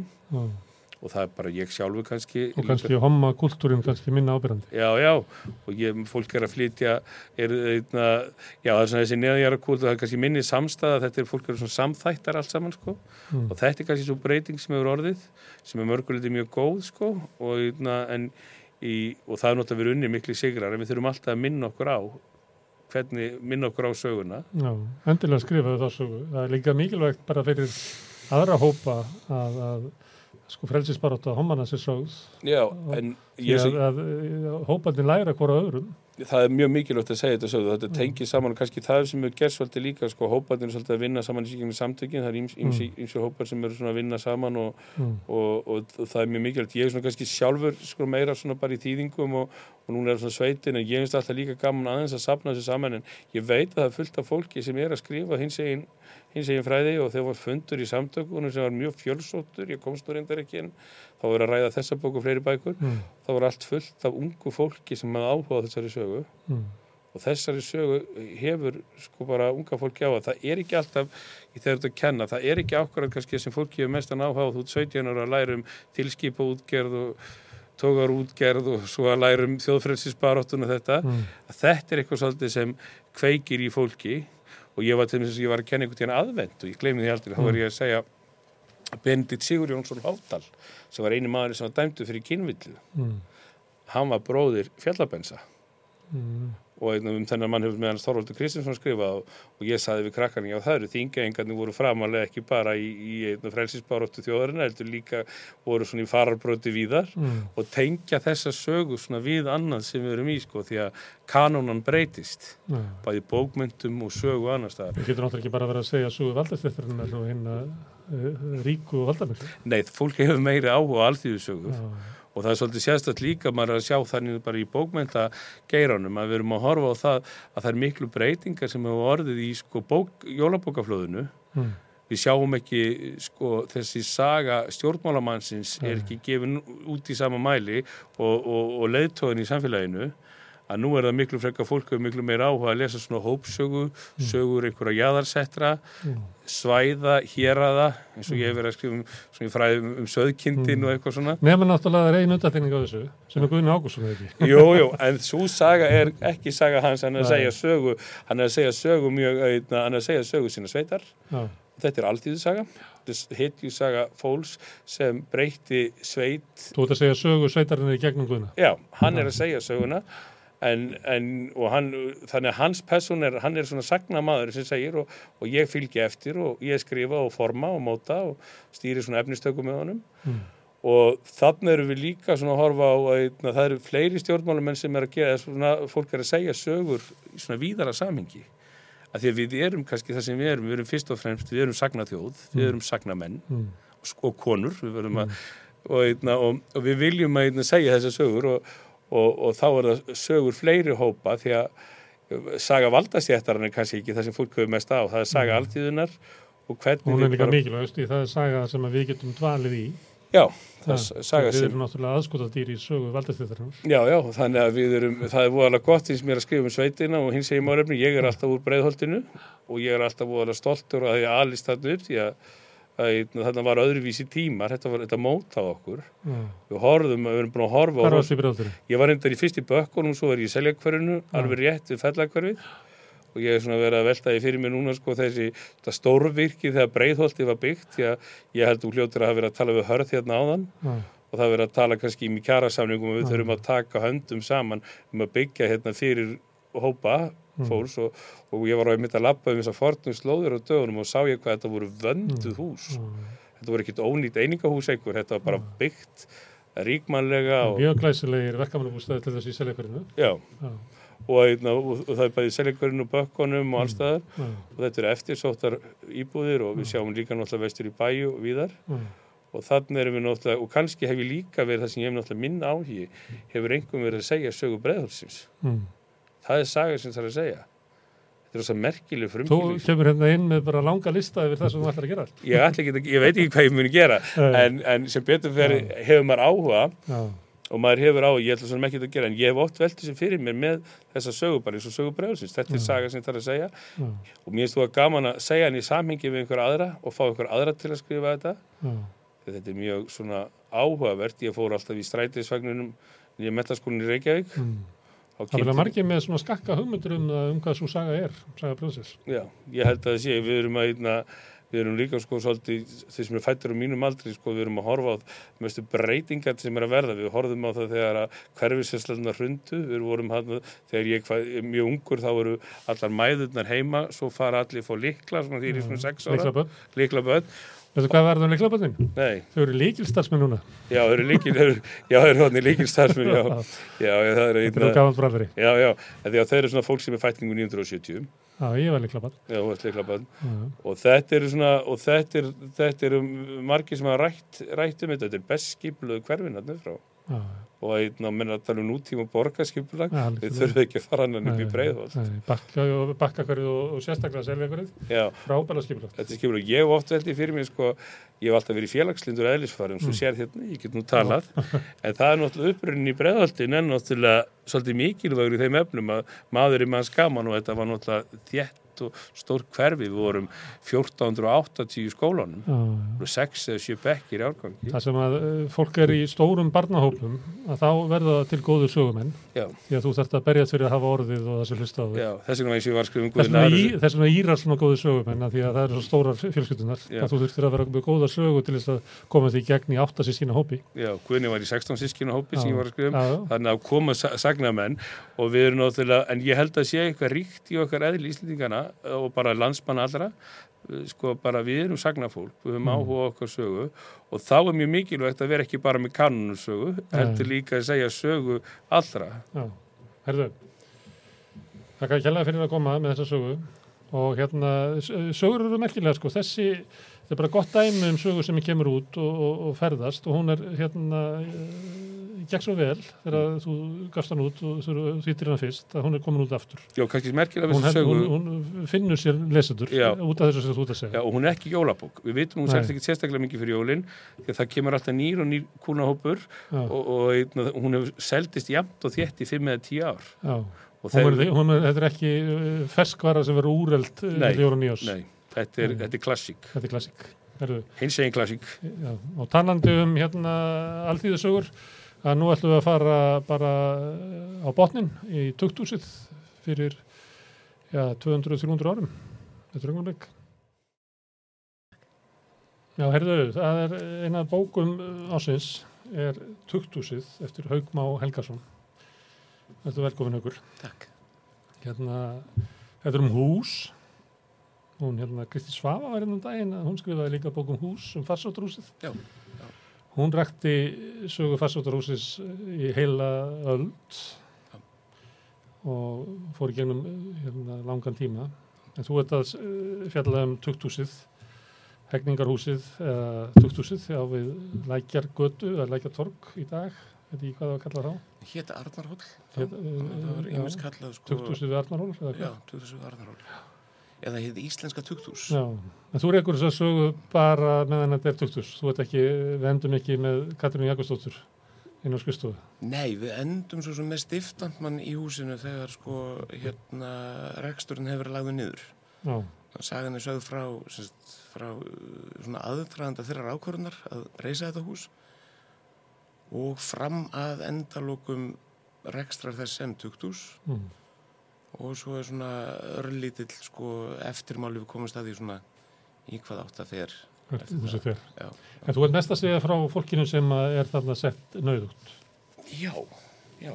Þetta er sko er komið fram víða í umfjöldum sko hver upphafsreitur húsins og, og, og þessara bókar er að frásendar sko sem er semst að árið 1757 og þetta, það eru nokkri nokk, aðfræðandin er, er, er sko um, finna fleiri rætur en eitt þráður og, og sá sem verður þess að húsheilósins reist er að árið 1757 þá sagt, eru síslumenn landsins konum með nóg af kostnaði sem fylgir því að þurfa að, að hérna, halda uppi dæmdum sakamennum áður en þeir eru sendir til afplánar í Kaupmannahöfn Mm.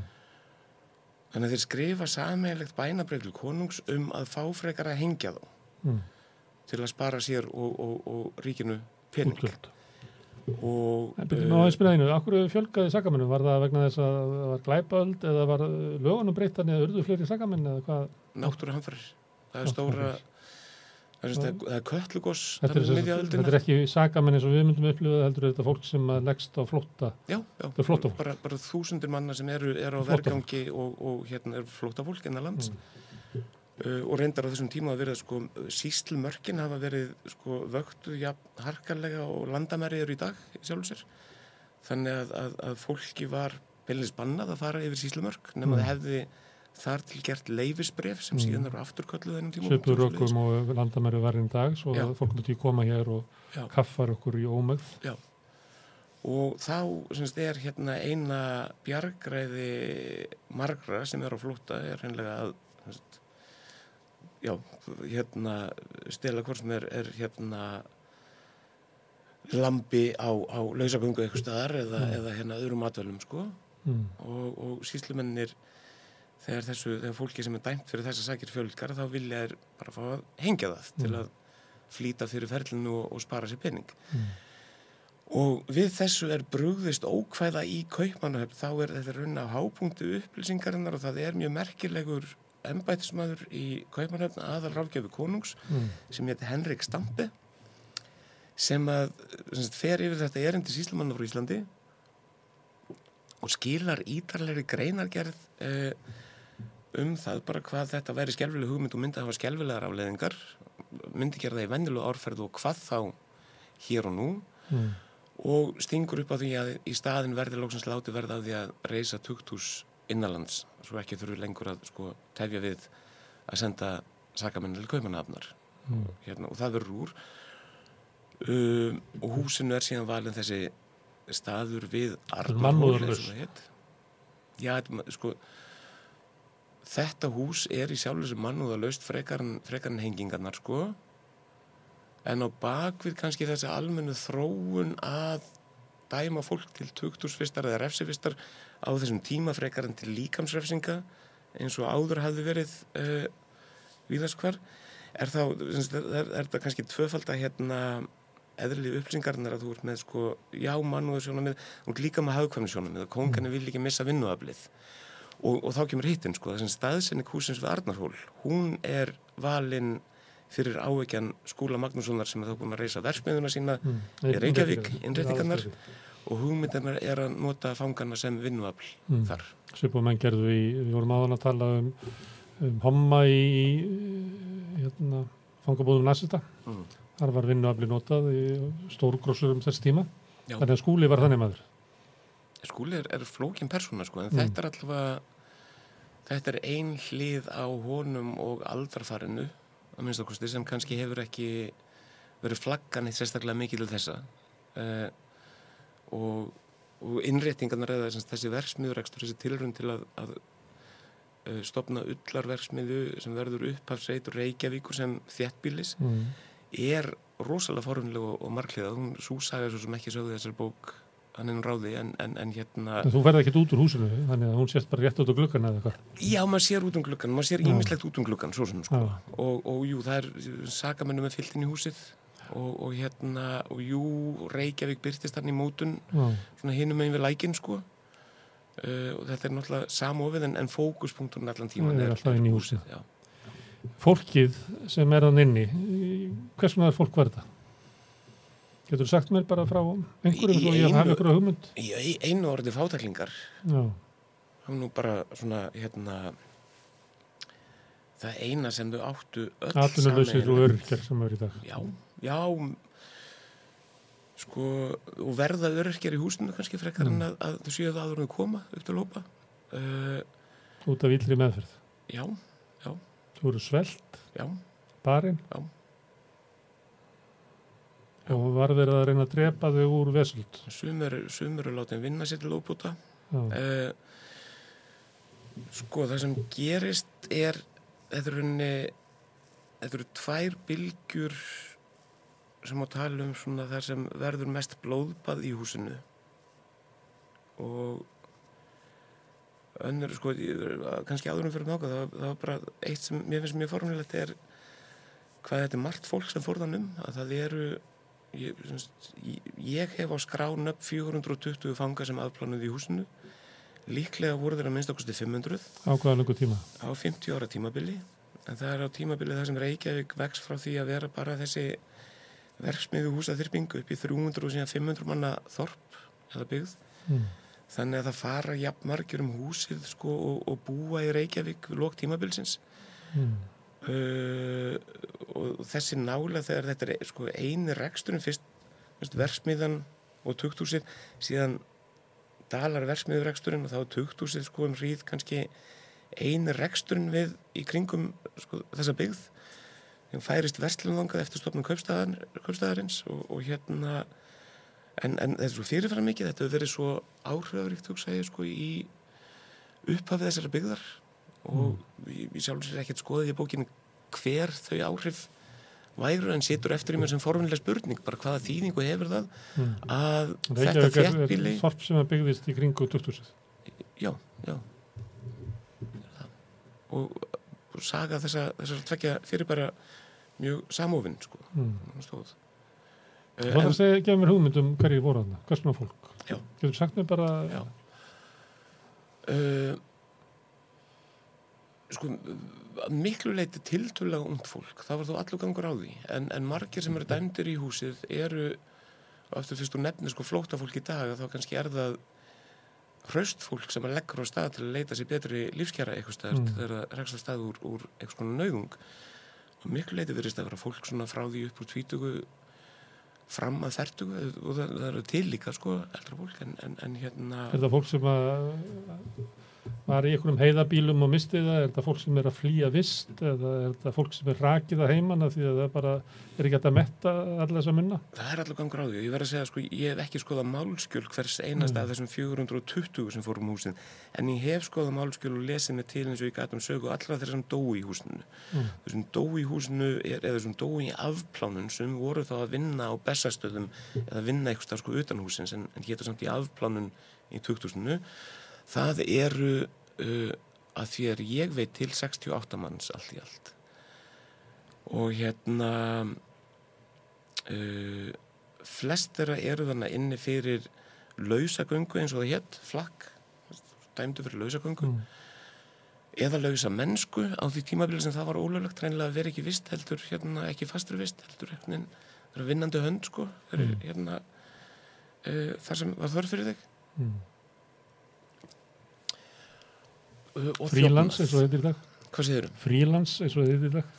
Einmitt, já, já, frílansarar og hérna, og þau eru dæmdan inn í mist bara fyrir lausagönguna eða fyrir þá þjófnaðarsakir að hafa, hafa tekið sér mat, eitthvað lang, lang flest, en, en sagt, hópur tvö verið síðan dæmdan inn fyrir kynferðismál og sagt, það, það eru þá hvort sem er karlar eða konu fyrir barningdur utan hjónabands Mm. uh, og þetta er runni kannski að mætti, sko, mann í grunnskóla þá lærir maður ekkert sko, eitthvað svona skilgreiningu á, á lífverum. Lífverur eru þær sem sko, þær, þær nærast og vaksa uh, og þær fjölga sér og þær reyfast einhvern veginn. Og öllu þessu þrennu sko, að nærast, að fjölga sér og að reyfa sig úr stað voru settar með þröngarskorður öllu voru því sett sko, skilirðu um leifi þú þurftir mm. Pappir upp á hjónaband til að fjölga þér. Þú þurftir að vera í vist til að nærast. Sumur eru dæmdur inn einfallega fyrir að get ekki á þessi dæmdur tildingi þjófnaður að get ekki sínt svara spurningunni sko, hvernig nærustu? Ef þú gæst ekki sínt fram þá þú nærðist með löglegum hætti að þá ertu orðin og ólögleg persón og verið tökdúsið sko. og svo máttur ekki fara um. Þú máttur ekki fara um landið. Ef, og auðvitað eru embætismenn máttu það og þú veist, efri, þetta, þetta þunna laga efri stjættar var frálst ferða sinna en, en allur almenningur ekki Mm. uh, þannig að fólk, fólk er dæmt inn fyrir þessar þessar þrennar sakir fyrst og fremst það eru örfá morðmál sem koma við söguhúsins mm. örfáir örfá brot sem lítum sem alvarlega glæp í dag mm. en, en það er miklu minni hluti sko. algjör minni hluti allra mál en meðferðin á fólkinu inn í en að vist eða var bara verið að nýta vinnuaflið eða var verið að bara að hafa vistina nógu slæma þannig að fólk myndi degja sem vist allt þetta var sko hugmyndin og, og einmitt það, það er svona Það er greinilegt að tókast á annarsvegar og skilja eftir lausu lofti og misast eftir ennbætismennum hvaða augum það er litið sko. Mm. Uh, uh, hug, svona upplýsingar hugmyndin á þessum tíma er náttúrulega, er hvort vekja betrun, er, er betrun og refsing og síðan að, að nýta fólki sem, sem vinnuafl. Uh, síðan er þessi stopnum sett og lagginar sko í þessu litla uh, vanmáttuga landi að miklu leiti og það, það verður allur gangur á því sko hvernig reksturinn er. Þetta er hérna, að maður segja, fyrst kemur tímabil þar sem búið að reysa húsið, bygging það stendur frá cirka 1762 til 68 og það eru fangar sem reysa það, það eru mm. fluttar á Arnarhól sko í bara vinnuskúra og mm. meðan eru látni byggja húsið. Mm. Eins og ofti gert. Já, mm. og hérna, og þegar það er tilbúið, þá tekum við tímabil sem varir í 15 ár, þar sem húsið eru fullum rekstri sem tökthús, en því hefur ekki verið sett stoppskrá og þá kemur sko, það er svona valdatók innan kaupmannhafnar á Íslandi sem að, að ræður því að, að, að tillaga frá íslenskum embætismennum að stoppskrá 2000 er ekki samþygt af kongi og, og það er frekar friðsælt tími í sögu 2000 uh, mm. það er svona, og frekar frjálslindur sko. svo gerist allt á einu bretti einlega móðuharðindin hefjast árið 1783 eftir að það gísi laga þúsundir fara aftur á, á sko, flóta mm. Og svelta og hérna miklar, já bara það er hræðilegu hörmungar.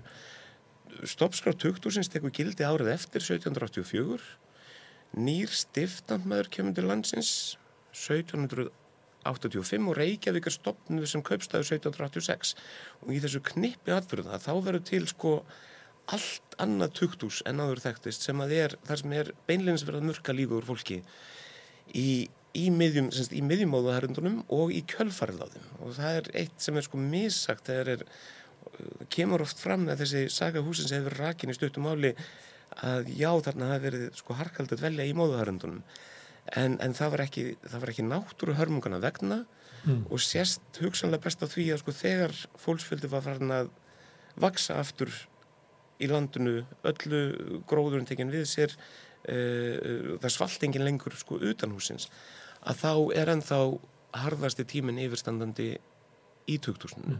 og þá svalt fólk í húsinu. Það svalt og það var barið og, og, og við, það svalt að því það var ekki til matur eða það var ekki til uh, það var ekki hvaðaböndum heita í dag það var ekki rekstra grundutur undir það var bara ekki neitt í skiptana sko það, það hefur í sjálfu sér verið klýpa fyrir embætismenn hluta þessa tíma að sjá til þess fyrst ákvörðin var að líta á sko þennan flóta og þetta hungur sem agavandamál að sjá til þess að vistin í húsinu yrði verri en hún var utan þess þegar þúsundur er að deyja úrsulti í landinu. Það var ekki að láta handtaka sig og setja sig í fanglis þess að fá að borða. Akkurat.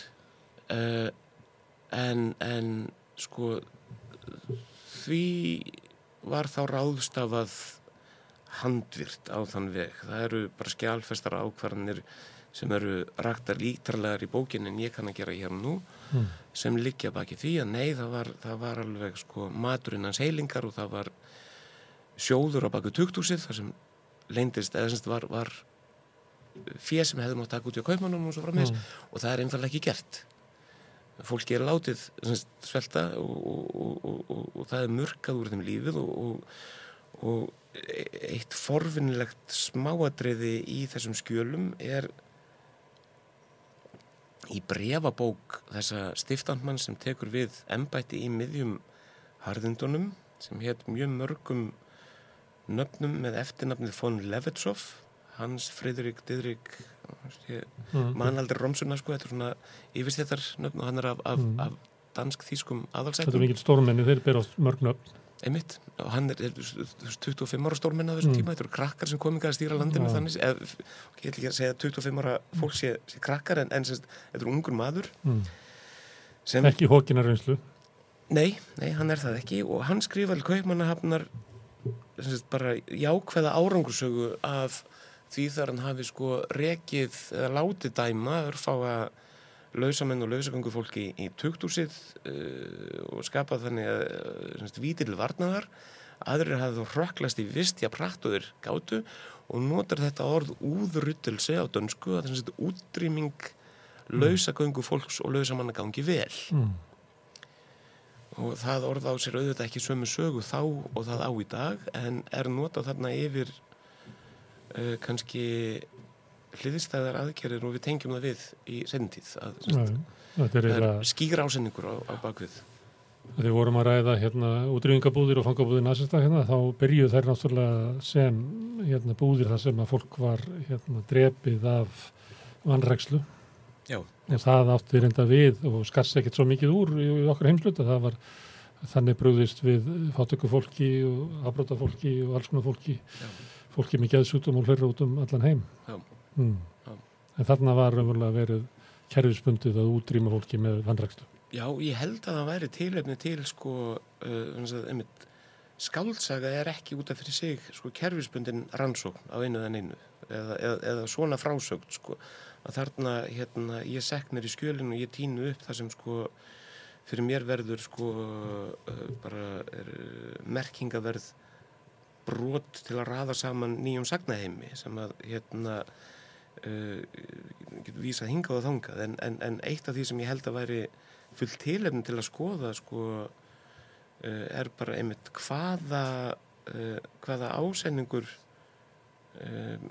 bjóða baki aðgjörum stjórnvalda til dæmis í þessum náttúruhermungum móðaharindunum mm.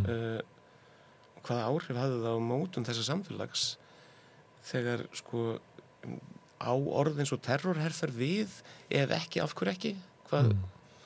að hvað leiti var þetta ekki terrorherferð mm ef þú ert hérna, ef þú skrifa síðan heim Sigur Rósandi að, að það gangi svona vel að, að hérna útrýma þessum ósið fólks að, mm. að fara um í leita fæði Útrýma fátakt með því útrýma fátakt ningunum Já, já Herðu, höfður okkur að skrifa þessa bók?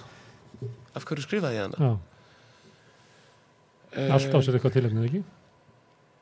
Þetta, er, þetta kom ekki til þín í draumi Mjög góð spurning Hérna, mm. sko Þú hefði ekki tungsátt í það? Jújú, aftur og aftur. Tilfelli er að ég, sko hérna ég, einmitt, eð, svona af hverju spurningar það svaraði með nokkra vegu. Þegar hérna einhvern veginn rakst ég á það og núna get ég verið kannski sko bendi mér eitthvað á það og, og, og, og ég er að gleima því að, að, að nefna þá eitthvað mikilvægt samtal sem er stólu úr mér eða svo lesi ég rakst á það einhvern veginn og einhvern tímapunkti að bara þarna væri líklega eitthvað ósagt mm ef þetta hús var reist sem tukthús mm. og reiki sem slíkt í ákveðin tíma áður en það verður að, að svona þessum fínumannabústað í sennintíð sko mm. og ef, ef maður hefur aldrei heyrt hvað þar fór fram að neinu ráði þá verður bara sennilegt að eitthvað hérna eitthvað lægi þar undir steini mm. og þegar ég fór að semst, ég man ég man hreinlega ekki uppháðsveitin en ég man uh, þegar ég byrja að garfa að það var að fyrsta sem ég rekst á það er sko að allar heimildir, allt sem hefur verið skrifað um húsið til þess og það er eitt og annað sko, það eru til rítgerðir uh, sem hafa verið, sko, húsið. Þær byggja allar á og vísa til fyrstu doktorsrítgerðarinnar sem var inn í lögfræði við Háskóla Íslands sem var skrifið fyrir hundra árum síðan af manni sem hétt Björn Þorðarsson og var víst fyrsti fórsættisráðara landsins. Eftir mm. líðveldistofnunum fyrir kostningar ef ég mann þetta rétt. Og það var hann svona interim fórseturráðara mm. uh, en er þarna þá maður ventarlega að, að skrifa sig inn í ennbætti með, með lögfræðaransókn og, og, og hérna þessi doktorsýtjar heitir Saga Refsevistar á Íslandi bara ofsalega vönduð heimildavinna og, og hérna merkilegt skjál en í hundra ár hafði það verið sko, stuðst við hana sem frumheimild uh, og kannski ekki margir sko opna skjölinn sem hann byggði á mm. og þegar ég sagt, lagði mig eftir því og reykja mig eftir þráðum sem það opnust og, sagt, og þá þetta fyrst að gerast læs á fljótaskrift til að bara komast í gegnum þessi komlu skjöl mm. uh, eins og þau standa að þá fóru bara að þá opnaðist mér að þarna væri einmitt ekki bara ósöðu saga heldur eiginlega heilsagna heimur sem að bara hérna þetta, þetta verður svona eins og að komast í einmitt já ég óforskammað og harsfýrað að tala um fjársjóðskistu sko þegar hérna maður með þessar Mm. hörmunga fyrir framann sig en hvað var þar sko hérna bara auðlegð sagnana sem liggja þar marga sögur sem að vilja láta segja sig. já, En uh, að þú ert að skoða uh, Björn eiginlega vísa þér á kistuna, en þá sérðu náttúrulega hvað, hvernig hann velur úr sögunni. Já. Hvað sögur hann segir. já, já, einhver leiti Já, já. hvað, hvað valdi hann og hvað, Um, hvað valdi hann að segja ekki. hans verk er, gríðal, er bara gríðarlega merkilegt Já, uh, og hérna hann, þetta er lögfræðiritgerð þannig að hann er ekki að reykja sögur einstakra fanga, hann er ekki veist, örlög persóna er ekki það sem nei, hann varðar hann. svona interessar hann. Það interessar hann ekki. í sjálfur ekki, ekki, ekki því samingi kannski hann persónulega sko en En þessi tengsl í nútímanum um fáta tólka flótta, vissur það í upphafi að það væri svona, ég náttúrulega kem svo litið sko, þú veist, að þessu upphaflega kannski með það hérna þú sást á fyrir að það væri, þú væri að segja þá sögu. þau tengsl svona Já. á bakvið eirað og fleiri aðra reynslu fólks af ríkisvaldi í samtímanum Mm. uh, hérna annars vegar eftir með fólk á flóta og, og, og sem ferðir yfir landamæri og allt ofbeldið sem ríkið beitir í kringum það hins vegar fólk sem hefur lent í rammi yfirvalda á alls konar fórsendum og nýju menningar, þú getur nú myndu það ekki? hann gerði heimildamöndum nýju menningamálið á Mm. sínum tíma, jú um, en til að segja eins og er að þá kannski svona ég held að eina leiðin þegar maður er með þetta mikið efni fyrir fram að sig eða bara, bara nýtt verk af, af tildekina stærðagráðu eða svoleiðis að þá allavega þá sökti ég mér í það og, og gleymi skýrskotunum annað á meðan Já, að, að þessi það, það saga stýrir þér, er þessi sagan Uppar, upprunalegur ásetningu kannski verður, skiptir ekki máli lengur. ekki á, með, meðan á vinnslunni stendur eða, eða, eða svo leiði sko. en svo kannski þegar maður tekur nokkuð skrif tilbaka þá, þá held ég að það sé allt þarna sko. Mm. ef, ef hérna og bara svo sannlega það er, Guðjón var hérna áðan að var að, kom með því að það er sagt fjórum eða finnsunum í vitalinu hvað verið mikilvægt að segja sko, hvað við segja, almúa sögu. Já. Mm. Já. Hann hefur búin að vera að segja annars vegar sögu sína sveitar og svo er hann búin að vera að segja sögu homma og hins eginn fólks já, og hann var alltaf að segja og hafði það líka þá reynslu sem kennari að, að krakkarnir vil ekki hlusta á gömlu hérna, yfirvalds uh, sögu sigurveran og höfðingjana guð minn góður hvað hann er líka leiðileg Já. ég, ég, ég veit ekki hver, Þú ert að segja almúa sögu hér Já. Mm. og ég held að hérna uh, það sé mikilvægt líka að ef maður leggur svo eftir því sko að, að, að hérna eða hvað segja að leifa þeirri sögu að njóta sagnamennsku, njóta hérna allrar sko bara allrar mögulegra dýrðar þetta er ekki ég held að þetta sé ekki þrátt fyrir sko að vissuleitið þunga viðfórsefnisins þá ef mér tókst það sem ég ætlaði mér að þá er ákveðin hérna byrta yfir bókinni samteldi uh, og meðal annars finnst þetta eru þetta, þetta er ekki sko að fólki stýji fram og saga þessi sögð er það byrtan það?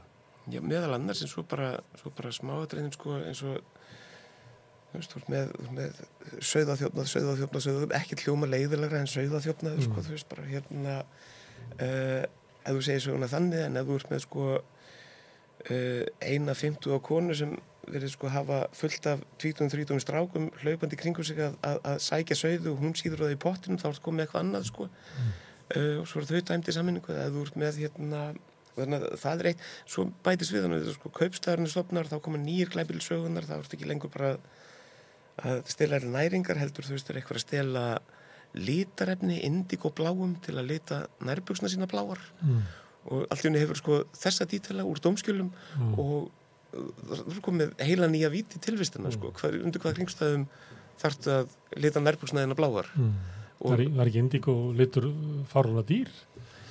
Sko- getur ekki selt þetta bara? góð spurningum verið að hann var rosalega algengur nefnilega. Aha. Þetta gerist hérna um svipa leit og kaupstæðurnistofnaður að þá byrtist indigo í bæði aðflunningskrám hérna og í þjófnaðamálum Mm.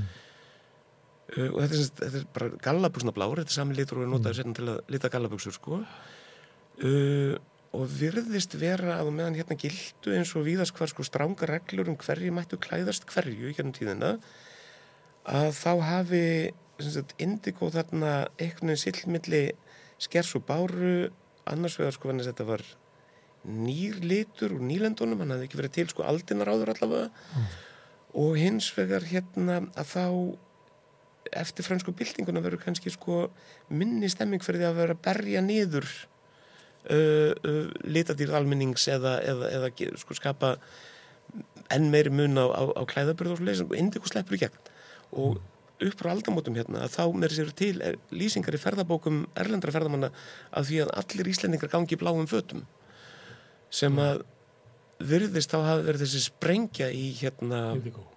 indigo á landinu. Herðu, hérna mann ekki alveg svona ártöl hvort það hafi komið inn í þína sögu en hérna langa, langa langa mamín held ég, eða langa, langa, langa er steinun á sjöundur á sem að var þetta Er þú komin að henni? Já. Já, sér, hún byrtist í bókinu. Já, Þú þarft að lesa bókina. sko, Hún er, hún er hérna- deyri, hún er meðal þeirra sem deyri í húsinu. já, og svona maður svona upplifa að það hafi verið hryllileg vist og hún hafi verið og við höfum ekki nefnt það að þarna hafi náttúrulega verið konur misnotaðar stórkostlega Já. og svo var hún urðuð upp á hérna upp á skólavervaldi Hún var, hún dísuð á skólaverhaldi Já. og sko ég sjálfur sér, ég hérna þannig til dæmis mjög vand með farin sko hlið hérna uh, það verða margar barningnir í húsinu Mm. eða, eða meðal sko fanga í vist og það er engin leið að segja eftir á uh, svona löngu síðar sko uh, hvar á mörgum uh, nauðungar og, og, og frelsis eða á einhverjum gradval sko þar á milli öll þau kynni áttu sér stað. Þegar þú ert með einmitt fanga sem eru þegar undir þessum kringstæðum að geta hverki farið. Að, að hérna um, Þú getur ekki fulldirt hvað hvort að börnin hafi komið nei, og sjálf, undir út af nöðgun eða, eða, eðlilegu samræði. nei, ekki um, ekki um, um, um Okkur hættir oft til þess að líta á, á hérna, allt En- kynlíf eh, hérna, illa fariðs fólks eh, sem að látt sett sem einhvern veginn skít út vilt. Einmitt, einmitt. Þannig að það er sko, ég reyni að, ef ég, ef, ég reyni að fara ekki fram úr heimildunum mm. sem, en, en hérna, en opna eftir sem áður einmitt bara spurninguna. Að til dæmis, það, það, í tilfelli steinunar frá sjöfund og þá hefur sagan stundum verið sögð þannig að, að það hefur verið sko fangavörðurinn brún sem hafi mistrind henni Mm. En á milli tíma þeirra í húsinu líða um 20 ár þannig að það er óhugsandi útgáfa af sögunni Mm. hitt er vel hugsanlegt að þá hefur sko sakir annara verið með öllum í gerðum söguna sko verið einhvern veginn demta af hann það voru fleiri rottar sem komið við sögu húsins Mm. Eða hún, af því að hún er náttúrulega stór persóna, flutt sagan yfir á hana. já, einmitt, einmitt en hérna, og síðan var sko ein saga sem var til í kringum hana var að það hefði verið eitrað fyrir henni í 2000 og það hefði þá verið fangavörður að uh, hérna að eitra fyrir þegar kom á daginn og hún væri þunguð af hans völdum. Mm. aftur þá sko uh, í, það er engin staður í frum skjölunum sem ég fann til að renna stóðum undir akkurat þá sögu, það er ekkit óhugsandi eins og oft er í, í Sem- all, svona sögum, það er ekki alltaf vitni af nei og hérna uh, já, þannig að maður reynir að umgangast það og þessar personur af þeirri virðingu sem hægt er uh, og hérna Lastu dómskjölinn Já. af 700 á? afsakaði? Lastu dómskjölinn? Þú sett að lesi dómskjöl þeirra sem dó í húsinu? Já, já. Mm. Og eru þau seg? Eru Steinun og, og, Mm. og Bjarnisek Mm. eru Steinun og sé, ég held ég ég opnaði sko ég, ég hlustaði á í fyrsta sinn upplæstur Gunnars Gunnarssonar á sinni bókum efnið sko Mm. og í rauninni þá langaði mig að gæta þess að leggja ekki mest áherslu á sögufrægustu personunar í húsinu ég hef ekki ég, ætla engan dóma að fellum þeirra mál Mm. þau, og þau til dæmis sko Steinn og Bjarni frá sjöundá þau byrtast í bókinni og það skiptir máli þannig að þau eru meðal þeirra personur sem koma við sögu en þeirra saga er ekki rakin ítalega þannig þetta er ekki þeirra bók Þetta hefur verið rakin oft. Já, og það hefur verið gert aldrei mikið, ég fer að upplifa það jafnvel sem svona alibæ fyrir sko allt þetta, þetta bara á sínum tíma monstrus réttarkerfi Mm.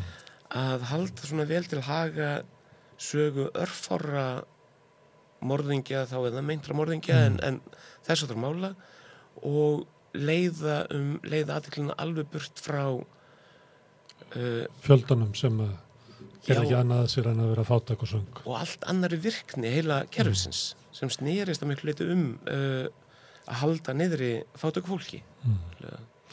En svona sambandi við svona, nú eigum við saman hérna sögu Íslands og þegar við löpum fram hjá þessu húsi, við þarfum að máli að við vitum hvað þarna fór fram. Mér finnst það það skipta máli. Ég, ég var nógu forvitin til að langa að vita það. Uh, að það sé ekki falin sagan sem er hann að bakvið í, í kringum eitthvað svona nýgerða upphafningu húsins og þess sem að þar fyrir fram. Já, ég Að held ég, gamla sagan verði að fá að vera þarna með ég held ég vel að það sé sko, þá freka bara til margs um að þið taka kóngin og setja kannski steinunni þar. hvernig sem fólk vil fara með það sko, Já. einmitt, eða, eða hérna, eða fangan sem hétt Jón Sigursson og, og var fyrstur til að vera skipulega barinn með, með tampi fyrir utan húsið í móðuharundunum Já, uh, ég held að það verið 1785 eða 16, mann ég það ekki sem hann er hérna barinn 27 höggum án yfirhafnar. Með þessu, þetta er tiltekki barefli sem var hérna líka kallað reypiskilfa eða kaðalsvipa. Hérna já, bíkaðan enda á, á kaðli og já. 27 högg fekk hann dæmt fyrir að vera með eitthvað mótróa í húsinu. Og hérna fullt af personum sem hafa hingað til verið nafnlausar sem að jafnvel kemur þá sko sterklegar uh, uh, uh, til greina að fólk vil fara í þá átt en ég ætla ekki að skipta um já. að stýttusmíð Nei, út af fyrir sig sko. það eiginlega hópana þarna upp á stallinu. Já, já, já um, En, En ég, sko- ég var bara að minna hvort að það væri að við ættum að minnast þess sem að þarna fór fram. Einmitt, Eða e, e, gengur það að þjóð, að ríkisvald, drepi fólk þarna og það eh, sé þagaði fyrir því. Ég myndi að minnst okkursti sjálfur líta svo á að, að það, svo staðreind að því sé ítt til hliðar eða skautaði yfir það eða farið með það sem léttvægt eða einhvern veginn láti hverfa Mm. sé til margs um, um, um vanþróska samfélags Mm. uh, við eigum að vera færum og horfast í augu við þó það veru nýskeiðir atbyrður á þessum toga og hvað þá, mér, mér, mér leið stundum með þessi skjöl í höndunum sem er um 200-250 ára gömul Mm. og leið mér stundum eins og ég hlýta að vera að gera eitthvað bannað og, og spurði mig hver væri að hleypa mér í þessi ríkislendarmál sko. sem, Og og hérna, það er bara rosalega sem afhjúpa furðulegt stórkostlega glæpi ríkisvöldsins. og það er rosalega furðuleg og, og það er þessi ríkisvald sem er ekki sko, lengur til staðar auðvitað undir þessu nafni. Það, það, sko, þetta er í, í að mestuleiti í hérna og að öllu leitir í hérna sko, dansk-norska innveldinu Mm.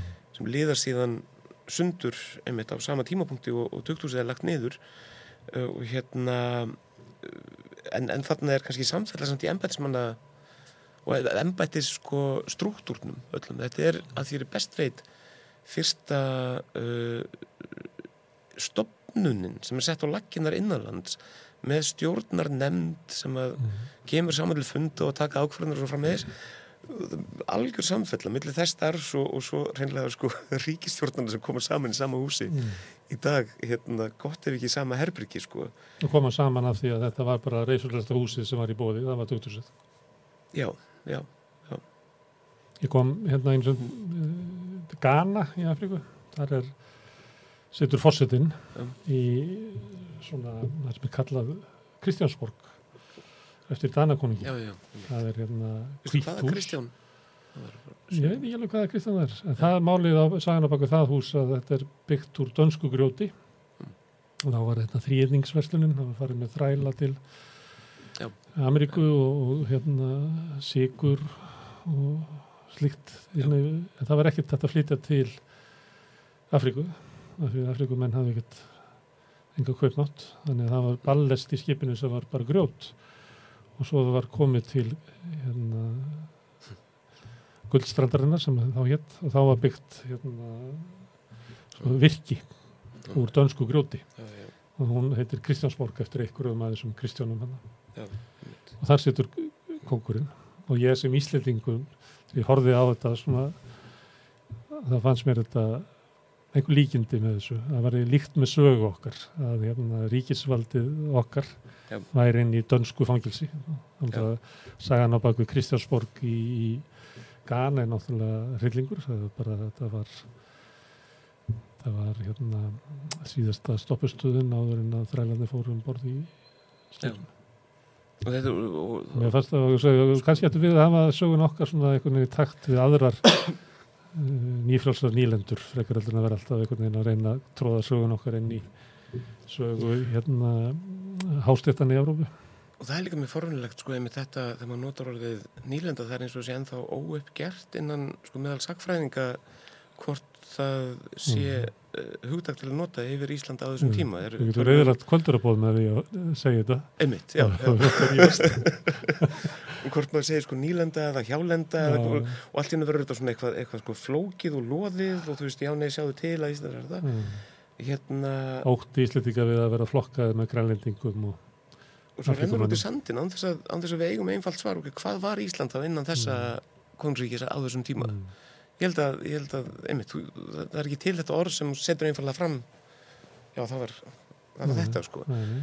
uh, en, en, en, Það er alveg ljóst hvað það var ekki, það var ekki nýlega. já, einmitt Við viljum það ekki. og hérna, og það eru líka sko, um þetta með að saga Íslands er auðvitað ekki uh, svo sama og saga sko, byrjumist þræla nýlendarna í Karibahavi sem Danir starfræktu uh, það, það er alveg náinn tengslan á myndli og það eru sko þessu dæmi að allavega eitt dæmi um sko mann sem var landshöfðingi í dönsku vestur Indíum og er síðan skipað stiftandmaður á Íslandi. Mm. að það veri litið á þetta sem svona hérna uh, hliðstæðar uh, hliðstæð ennbætti að, að, að sinna. Hann leita fátakafólkið í, í 2000 sem en sko, en, en að, að því sögðu að þá sko að þá veri líka rangt og kannski eins og í sögu nýlindana yfir leitt að líta svo að þarna bara verið sko vondi danur, góður íslendingar. En þess að þú veist með struktúr sem að, að, að seilist uh, og er, er jafnvel sko svona samofin við eitthvað struktúr sem að þega til innanlands. Þá ertu með sko hérna gömul svona landsluta embætti og, og síslu embætti innanlands og svo kemur innveldið og, og svona, þetta rennur saman einhvern veginn í, í eitt struktúr oft er það sem að sko allra grimmustu dómanir ef við bursið frá hengingabrefinu upphaflega að það nú segja reist að það voru grimmustu dómanar oft þeir sem að sko voru feldir í mesta návíi við sakamenn. Svo mildast þeir á leið sko úr héraði til uh, fyrst alþingis síðan þess sem hétt á uh, landsifirréttur og svo var það kongurlokk sem getur náða fólk sko. Þannig að margir voru dæmdir ímest til dauða þannig á tímabili eða til Mm. sko lífstíðar erfiðis uh, í 2000 kaupmannafnar en náða þeir af konungi til skemmrivistar í 2000 í uh, Reykjavík, það er við Arnaról. mm. Þannig að, að það veri líka sko einmitt, það er annað vítið að varast eða önnur hjólfur sem er einn að forðast að, að sko fella þetta í eitthvað svona þú veist, hvori voru góðir og hvori voru vondir Já. þetta er bara hérna uh, línan liggur ekki millir landan eða, og ég held að fólk í Afríku hafi í reynslunni eftir eh, sjálfstæði lært að af sinni reynslu að innlend vald getur verið grimt já, mm. Sko, hérna í ég veitna mjög hérna að yfirlega ráði í upphafi bókar sem ég með tilvinni Þorkir Þorkirsson það er erindi sem að flutti heimsbygginum um eitthvað tíma á nýjundarartögnum þegar hann stendur í þessu sko í málaferlunum við uh, íslenska ríkið fyrir mannreitindadómstólu Evrópu Mm. mál sem hann, þú þekkir að ég sko örgla betur en ég flutti sjálfur. Já, fluttaði sjálfur, Mm. mm. uh, ólöglærður eftir að vera dæmdur hér sko fyrir tvær bladagræna sem hann skrifaði um lögreglófbildi Mm.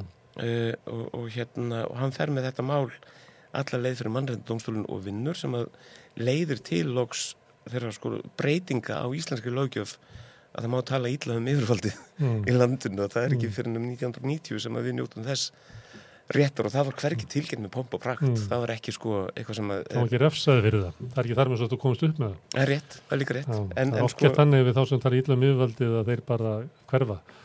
Það hættir, hættist að heyra í þeim. Í erindi sem að flytur sko hérna einhverjum hópi heimsbygginum á þessum tíma og kom síðan út á bók frá honum sem hann gaf það út sjálfur þess að hann var löngu orðin sko Mhm. mm. bókmyndaheiminum mm. hérna alltaf stafsitt að þá hérna rekur hann hvernig hérna rekur hann sko svip þannig að þótt að fulla svip á, á, á, á yfirvaldinu sem hann sé að sjá út undir sér á ólíkum stöðum sér, en það var andlitið við mér blasti nákvæmlega sami reying svipurinn og hafði nánast verið orðin samfrosta við andlitið á sakadómara mínum búðarloku þóttin ámátlegi og þetta hugtak búðarloku réttlæti og Mm. búðarloku þótti er eitthvað sem hann þykist af úr frönsku, hann gefur franska þýningunna svika á þessu hugtaki Mm. og sem eins og þið kannist kannski við það er flott gert hjá hann sko, Mm. gefur í vikt sko, og, en ég held að hann hafi samið þetta alveg sjálfur sem sko Mm.